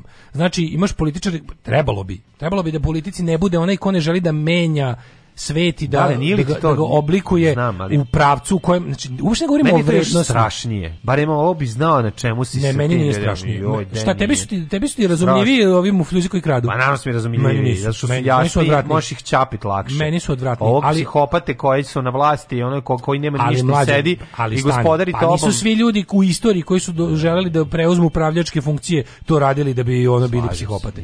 Ali se u današnjem u, u današnjem stadijumu kapitalizma gotovo da ne postoji ni jednog lidera ne postoji ni jedan lider koji je ovaj koji je ono u politici da bi što se kaže Ma naravno, ono Nego svi su zarade. kućnog savjeta će ono Je zbog čara će zakupiti dole ono u, u fotokopirnicu u biciklani. Ono ovaj će malo veći u mesnoj zajednici će otvoriti budicu za mlevenje kafe. Pa to je to, znaš, kao shodno uh, poziciji na kojoj se nalazi, shodno tome će širiti svoje poslovanje ili pokušavati da Ne, ali pokazuje da se isto postoji razlika, na primjer, evo ja verujem na primjer da evo primjer A poenta ovdje- savremenog političara Da. koji nije Angela Merkel. Da. Evo, Angela Merkel nije došla se Tako je, obogati. Nema, naravno. Angela Merkel se ložila da uopšte znači nemojte da pričamo o tome da li vam se sviđa njena politika, da li ona uradila nešto dobro, ali istina da ona nije bila Angela Merkel nema offshore kompanije. Nema, je. jebi ga. I to se Tako vidi, je. to se bukvalno, je najluđe? Što uvek vidi na ljudima. Pa naravno. Vučić nema offshore kompanije, Vučić ima sitnog, ja na primjer konkretno za Aleksandra, pričamo o Aleksandru Vučiću. On ima bolesno ambicioznog brata koji želi da, kupi sve na svetu i da kontroliše sve. A pošto su oni u odličnom, odličnim odnosima, jedan drugom su, tako da nema potrebe da sam Vučić bude taj Vučić. Ne ugrožavaju Vučić se jedan loži drugog. na moć. Da. A e, priča je drugčije u odnosu na sve ostale svetske lidere, jer ima jako bliskog brata s kojim je gotovo jedna te ista osoba, koji je bukvalno njegova druga polovina koja jeste ta gramziva, halava, neverovatna, ono nezajažljiva osoba. I jednostavno onda je to onda je to perfect storm, da imaš čoveka koji je bolesno željan moći i maltretiranja ljudi, to je Aleksandar Vučić, čovjek koji sve radi ne bili mučio druge ljude, a ovaj kako se zove ima ima Andrija Vučića koji želi da posjeduje sve živo na svetu. I onda je to neverovatno zlo, mislim. Pošto imaš dva čoveka jednako sposobna, moćna i I na kraju krajeva dve osobe koje Da. mogu da se rascepe u dve glave od koje svaka pravi zlo u svom sektoru. Kako se zvao Masters koji mogao na pola? Too bad. Too bad, da, da, da, da. da. Too pa bad. nije oni, su, oni su baš too bad. I bukvalno u svakom smislu. Ove, ali e, ono što je zanimljivo da u kuriru osim toga što da su pronađeni jel da e, dokumenti e, u kojima možemo vidjeti da su strani državnici i poznate ličnosti ovaj a uglavnom političari e, sakrivali e, financije. A tačno znaš ne vidimo nema nemamo domaćih a- Sarkozy, a pa prvo što smo pa da, ali prvo što smo skontali je ovaj e, da je zapravo ono što smo pričali što se pričalo s Siniši Malom što smo znali da je tačno on, onih 20 nešto stanova u 24 stana u Bugarskoj. Mislim ovaj dokumentima je dokazano da je to tačno. Mislim i da je to sve sve što se pričalo je zapravo istina i i da je on čekaj, jeste vlasnik. da mi smo- je za a Balkan on je tvrdio on je tvrdio da ukoliko neko dokaže da on ima 24 stana da će ih sve pokloniti Ne znam, nisam video celo, To nisam video ceo Ja izveštaj. od Čudi me da nema, Krik, ja za mislim. sada koliko sam video nema Dodika, što mi je neverovatno. Ver- Da niko nije ispitao. Mislim, ba, mene, mene, mene u stvari ne znam koliko Dodik i krije. Dodik ni ne krije svoje, ono... Dobro, Dodik možda svoje Fora je bila za Đukanovića. možda Znači, po- najveće, u regionu Da. najveće otkriće su tačne i precizne ono kao Financije. veze Đukanovića sa, sa tim. Sa tim znaš šta je tu pitanje? To je pitanje koliko ti ljudi to je u zavisnosti od nacionalnih zakonodavstva. Koliko oni zapravo krše zakone u svojoj zemlji. Verovatno da čim su toliko potrudili da da sakriju svoje veze s time. Sad šta je tačno uradio Đukanović sa svojim sinom, prebacivanjem kompanije. Ti vidiš jednu stvarno neverovatno, je, mislim, plet, ona pletenica iz ono iz enigmatike Da. za decu, ono, mislim, to su veze neverovatne. Ali šta je bila fora? Naši mediji prenesu, pošto je ovaj Đukanović jel, da, najveći zlikovac, Zlo. najveći zlo koje postoji, i to ne iz tih razloga, nego iz razloga što e, to će da bude predsjednik zasebne države i nacije, a to ne može. Nije pitao nas. Ove, I onda, i onda ti si imao prilog na RTS-u gde su kao rekli, evo, globalno je to i to, a posebno su interesantni Da, za naš za region naš region otkriće o Đukanović. porodici Đukanović i kraj priloga. kraj znači niko ni da A pazi, ono što je najluđe, oni ne mogu... A niko nisi išao malo pomenuo i nisu- 24 stana. Nikako ga nisu pomenuli. pa da, znači, pa da. on jeste, kao što smo i znali, kao što, što- znaš, ono, nakon što to, su to čime su promenili- oni nama zapušili usta. Da. Mislim, znaš, ono, ti novinari, to je, to je bilo istraženo, to je tačno. Znači, nađeni su i tapije, nađeni su sve. On jeste bio tada vlasnik toga i od tada mu se samo uvećavalo bogatstvo. Da. I to je sve jednostavno istina. A dobro, da li imao je jedan Ali stan i onda je sećaš da je 24 rekao da će on 24 godine stana mlađe dati novinarima ukoliko Novinarima, dokaže. da, Evo sad da, su da. dokazali. Evo sad nek da kriku. I sad kao ljudi koji se pitaju šta će sad biti. Prvo, vlast se kod nas nije ni oglasila. Pazi, u Crnoj Gori imaju tu specifičnu situaciju da su u, u ratu predsjednik države sa vladom i premijerom. I onda je naravno da je tamo vlada pala u nesvest od otkrića Da. i da sad će da kopaju, da će to da bude alat u njih, oružje u njihovim rukama za borbu protiv Đukanovića.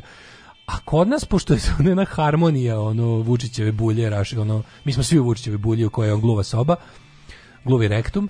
Uglavnom mi tu, ovaj, tu nema, znači kod nas je samo cijela vest je bila lepo, onako severnokorejski očerupana i napravljeno je da je ono kao vest je Đukanović i tu se završava in, Severna Koreja, po. Severna Koreja pobedila na ovaj svetskom takmičenju Ne kažemo, če, ne kažemo u čemu, gde i kada. Pa, da, pa pobedila. da. Severna Koreja pobedila u sportu. Pobedila u sportu, da. A sad vesti iz sporta. Pobedila Severna Koreja. Koreja, tačka, Kada, gde, koga. Šta ima veze? Da, To da, pitaju da, samo da. Tako je ovdje bila varijanta potpuno, potpuno genijalna da ono naš, mislim oni kad budu grebali dalje šta je sledeće, treba ispitati. Da, kod u panonskim ovim Pandora papirima se pominje i Vučićev kum, gospodin Nikola Petrović, ovaj mufljuz iz EPS-a, čovek koji je ono... Znači, mislim, ti, to je jednostavno, mi vidimo da je to mlađo gde god je neka šansa da se ono kao da se Da se učipi bar mlađe, malo, oni drže, oni drže elektroprivredu Srbije, to plaća svako u ovoj zemlji. Ti ne možeš da znaš da li su ti oni ukrali 10, 100 dinara više. Ti to ne možeš da znaš. Da li su ti ukrali 100 a to su sve pare koje idu na račun SNS. I to je jednostavno, ja kapiram da na da tom crnom fondu, takozvanom, tim računima ili koliko njih već ima, kad bi se te sve pare koje oni pljačkaju od nas za održavanje svoje vladavine stavile na gomilu, mi bi mogli da otplatimo sigurno jednu trećinu našeg duga.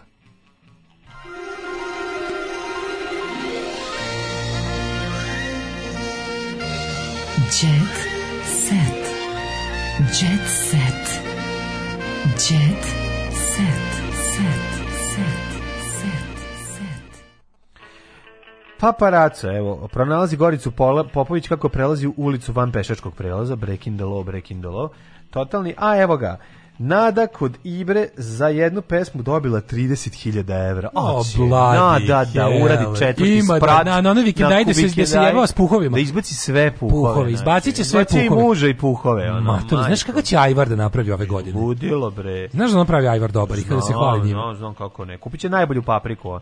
Nada od Ibre kaže ovako, pevačica je bila specijalno izvinjena žurki u Milanu gde je ovaj, čuveni futbaler proslavio 40. rođen i to za to dobila pozamašan honorar. Evo rođendanska torta, stvarno na 14 spratova, kopačka gore na torti. Mm, jes, kakva je faca ovaj Da vidim, Ibrahimović, Ibra- je majko, bogotac. Kakva je faca, to je On prvo. je meni, kako je ti kažem? films, ima filmsku facu, ima Jup. glu- onako, o, do, dobro. A on će garant, garant će glumiti sad kad se, kad, kad se pozdravi od futbala, bit će tako nešto, neko, znaš kom film? U nekom od tih evro, Sa statu- sa to, to, to, to, da, bravo, da, da, bravo. statamom to sam baš teo kažem. Znači, da, da, da. taj neki evro, evrofajter look. Pa mogao bi ladno ovaj visok, ovaj nizak. Znači Ibra i Statam da, da, biće, biće da tako da, neki da. film, ono Jean-Claude Van Damme, Dolph Lundgren, Zlatan Ibrahimović, Jason Statham da, i ne znam, 16, Nešto ono. tako, ne, biće njihovo neka, neka, da. ono, tipa, znaš, kao uložilo gomila nekih kontroverznih biznismena da snimi šibadžijski film. U kom Mhm. triumfuje pravda koju oni izbegavaju ceo život.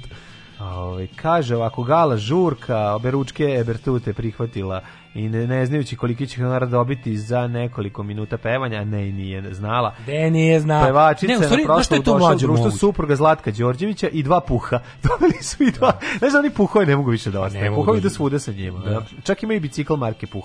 Uh, Topčagićka uh, ne- se nalazi u italijanskoj predstavnici mode. E, super, sad ćemo moći nešto lepo da kupi.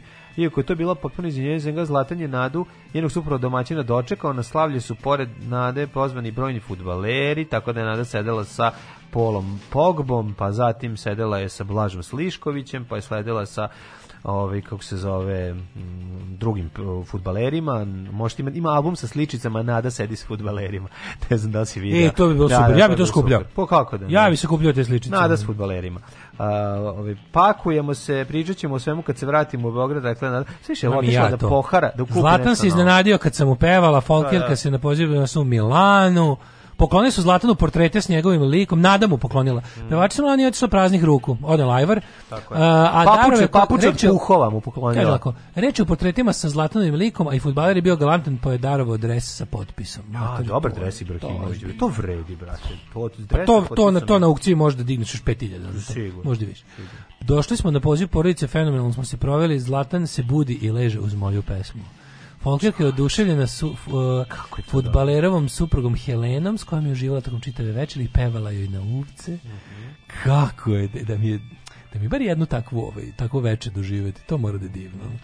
Sevnule grudi i guza Š- Sharon Estone i to u 63. godini. E, Kaže, Novak Đoković mu je poslao o, čestitku, koje je, kaže, z rođendan vas samo nizale poruke Novaka Đokovića, gde si Ibro, brate, srećan rođendan, želim ti sve najbolje, puno sreće, zdravlja, uspeha fudbalskom treneru, još mnogo godina da igraš, volim tvoju ludu balkansku glavu, nadam se da ćemo se uskoro ponovo vidjeti, poručio je Novak. Ove, jedan od najboljih futbolera na svetu, 40. rođendan. E, druže, skoro da smo generacija. E, Mick Jagger, omator je Mick konačno. Jagger. Slušaj, Mick Jagger na kraju ne može da se suzdrži. Ne, evo, evo ovaj, kako se zove, ovaj, Pandur Gile, Žandar Gile moment, slušaj. Joj. Imao sam seks sa 4000 žena, ali najbolje je Angelina Jolie. Ti mogu da To je rekao To je kao izjavio Mick Mick Jagger. Jagger. Mick Jagger to nikad ne bi rekao. A ne verujem da je to Mick rekao, pa to Jagger, mi je jako seljački. Da, baš mi je ono, najbolja je David Bowie.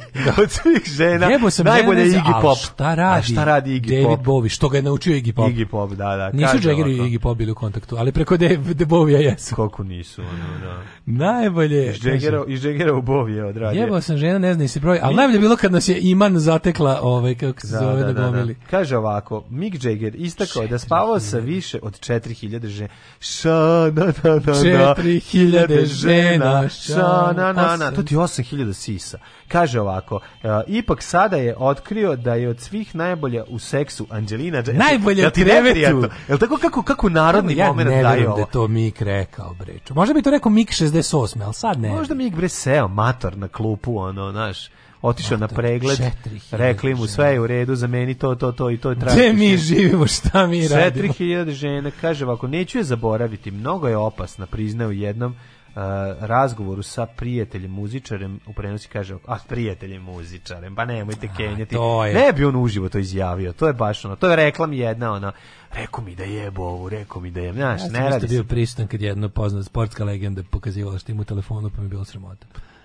Pa dobro, to je drugo dok vidi. A, jadno je bilo, brate, Ne, mili, čekaj, izvini, preseljački je. Ali, ali, ali postoji ipak granica između toga kad pokazuje seljačina tebi da se hvali i medijima govori. Kako? A ti dobro, naravno, postoje Znaš, stepeni jadnosti. Pa stepeni jadnosti. Prvi stepen jadnosti da bilo kome pokaže. Unutrašnja i znači, spoljna jadnost. Stvari koje ste ti još neko A, da. uradili privatno su samo to. za vas. Čim Tako uključiš je. osobu koja tu, koja tu ne pripada, već si jadan. je, tako. Ako, ali naravno da si, da, upravo si kao, u, u gradaciji jadnosti manji si bednik ako to pokažeš trojici ljudi iz tvoje ruke, nego medijima. Pa to sve da, te ti kažem, recimo ovako.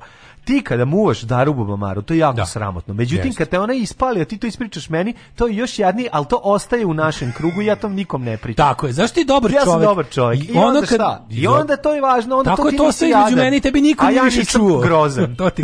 I zato ti hvala što ovo nisi pomenuo sad Nema frke, ne, pa neću nikad to govoriti. Kažem ti, ono, mi smo takvi ljudi, a evo, da s druge strane imamo, kaže ovako, Mick Jagger u jednoj automotobiografiji u Micku Jaggeru navedeno da slavno rokera ništa nije bilo toliko neodoljivo kao prelepa žena koja pripada drugom muškarcu. Kaže ovaj, Kako kaže, rocker je Anđelini o, Najviše ga loži prelepa žena koja spota- pripada drugom muškarcu. Da, naj, upoznao je Anđelinu tokom snimanja spota da li neko video moju babu, Anybody see my baba, u kom je glumila striptizetu. Mik Mhm. je svojevremeno izjavio da ga se ona pomalo plaši, jer je os- osjećala snažnu privlačnost prema njoj, navodi se da je proganjao pozivima dokle god nije pristala da izađe s njim na sastanak. E, da. A ne znam, od kad je videla onaj Mislim da musicless video na kome on uče, pa ovom rekla, ovo je odlično smešno, pa ti si u stvari po, posle je to rekao, vidi, ja sam i komičar. Pogledaj što sam snimio musicless video. Ne znam šta Jo, je. majko ono. Božja. I Da, slušaj, ovaj, malo mi je, mislim da ovde, mislim da su ovde ovo pokenjaju po, po Jaggeru, da on... on Ne priča bi svojim. Džeger to... ne, po- Kažem, on možda, možda to, on bi to uradio 72. Ali od 80-ih ne bi više. Šta? Pa to da se hvali. To mi nekako, znaš, kad je postao stari džen- džentlman. Tu nije se falio niko klinac, bre, šta? Jeste, se te, 60 nije, falio. 60s, to sve seljačine, bre, Beatlesi i, i, i Stones, bre, radnička deca dovatili skupu vaginu, ono. O, da, bre, des nije hvalio, ono. Možda hvalio opet drugarima, to nije hvaljen, A, kažem. Dobro, ali je- neko je tad i zapisao Da. Pa objavio. E, Nevena i Marko uskoro će postati roditelji. Srpska glumica Nevena Vukjes i muž hrvatski muzičar Marko Vukjes. A ovo će biti dete iz mešovitog braka. Mhm. No. Nakon teškog perioda dobili su najlepše vesti. Kroz nekoliko mjeseci u njihov dom stiže prinao, kupili novi TV veliki. E, Nevena koju publika zna iz serije Švindleri. U, Švindleri, čovječe. Pa ja je ne znam iz Ko- serije Pa mi nismo Švindleri. pogledali ni jednu epizodu Švindlera. A moram, tamo to, Marko jesu to. Peaky Blinders? Ne znam, moram pogledati. To su shitty blamers. Tamo igre, u Marko Gvero moram pogledati da ako ima materijala da mu bacam fazone Da, da, iz da, serije. da, da plati, Ovaj, da plati u prvom Ma, servisu. Pa ima jako dugo vremena, da. Ne, ne, treba, treba. Treba, kako ne. Da mu prepišem jednu celu Kako scenu. je bio? E, odlično, Schindlera. posljednja epizoda, odličan je bio. Hvala odličan ti, hvala. bio. Počeli smo sezonu, inače, svi vi koji niste gledali, idite na kanal prvog servisa da je automobil. tako dobar, malo je. Znači, Znači, je- kako igra, sve pokretnost, debelog najbolji čoveka. glumac. Pa Ali. Gvero je naš najbolji glumac. Jeste, Marko Gvero je naš najbolji glumac, a najbolju ulogu mu je u prvom servisu. Tako je, tako je. Hvala ti. A, Dan, Daniel Craig kaže, nije moja briga ko će biti novi Bond. Ja sam mislio da ono stari Bond ima jedno pravo glasa za novi A, da, u Bond. savetu za bondstvo. Pa da, da, da.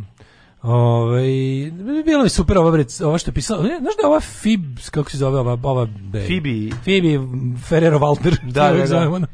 Ove, da, bre. Phoebe iz... um, Da, iz... Kako se serija jebote? Serija se zove... Be- Fleabag. Fleabag, da. Ona je pisala scenariju za novu, za No Time to Die. Pa odlično. Da, ona je onda rekla kao, nemojte mi ženskog bonda, nemojte mi... Kao, Čekaj, no tam to da je rekla poslednje. ono što je. Posle- za poslednje je ona pisala Za posljednje scenu. ona pisala scenarij, da. Odlično. I onda rekla, znači kao, kao ideja, žen, mislim, kao, nećemo ženskog bonda, nećemo bonda crnca, hoćemo nove stvari s njima. Tako je, tako Znači, kao imamo, imamo manje više neku ideju, kao to je to, ako, ako, ga, ako ga više ne treba, ako ovaj svet nema više potrebe za James Bondom, penzionišite ga. je ona pa i u ovom filmu, ja mislim, se on iz penzije vraća. Nisam znao da ona pisala scenarij. Da, da, da. Ona je onda rekla kao, znaš, sad je volim kao, mo, nek mi skaču ovi Vogue po glavi, kao šta ženski bond, napravit ćemo novog lika, no, Napravite nećemo- ženskog lika koji Mislim, će zvati Kad je bio drugačije. ženski, moj bio je pornić, zvao se Jane Bond, Jane Bond, da. meets the man with the golden gun, pod Pa nacima Dobro, navoda. doći I šta je će, doći će novo vreme na Ne, dobro rekla, kao fazonu kao, ne, pa ako ćete, dobro, mislim, ako ćemo biti... je ženski A ne, Bond, ako ćemo biti feminski, onda valjda nećemo da uzimamo ostose od muškog Da, da, mita, pa da ga pretabavamo ženski, nego ćemo zato što smo feministkinje da izmislimo nešto svoje u pičku je. nezavisno, novo, Napravite svoju ama- kreativno. nova Amazonka. Ne, nego ćemo da se krećemo u zadatim okvirima na kraju krajeva muškog Tako je. ono postulata pa ćemo da mislim baš dobro je rekla. Ne, treba neku jaku žensku. Pa ne, ženskog napravite novi lik, onako nemojte mi prepraviti kao ajmo sada kapetana Ameriku Latinos, ajmo sada Dragana. ono disabled Spidermana. Kapetana Dragana. To ćemo sutra, imamo Sutra da ima sutra, da. Nego sam ti da kažem, evo predloga, Amazonka koja odseče sebi sisu, James Bond riba koja može da bi mogla da nosi snajper i puca u neprijatelja. Odbija se. Ton majstor Richard Merc. Realizacija Slavko Tatić. Urednik programa za mlade Donka Špiček. Alarms svakog radnog jutra od 7 do 10.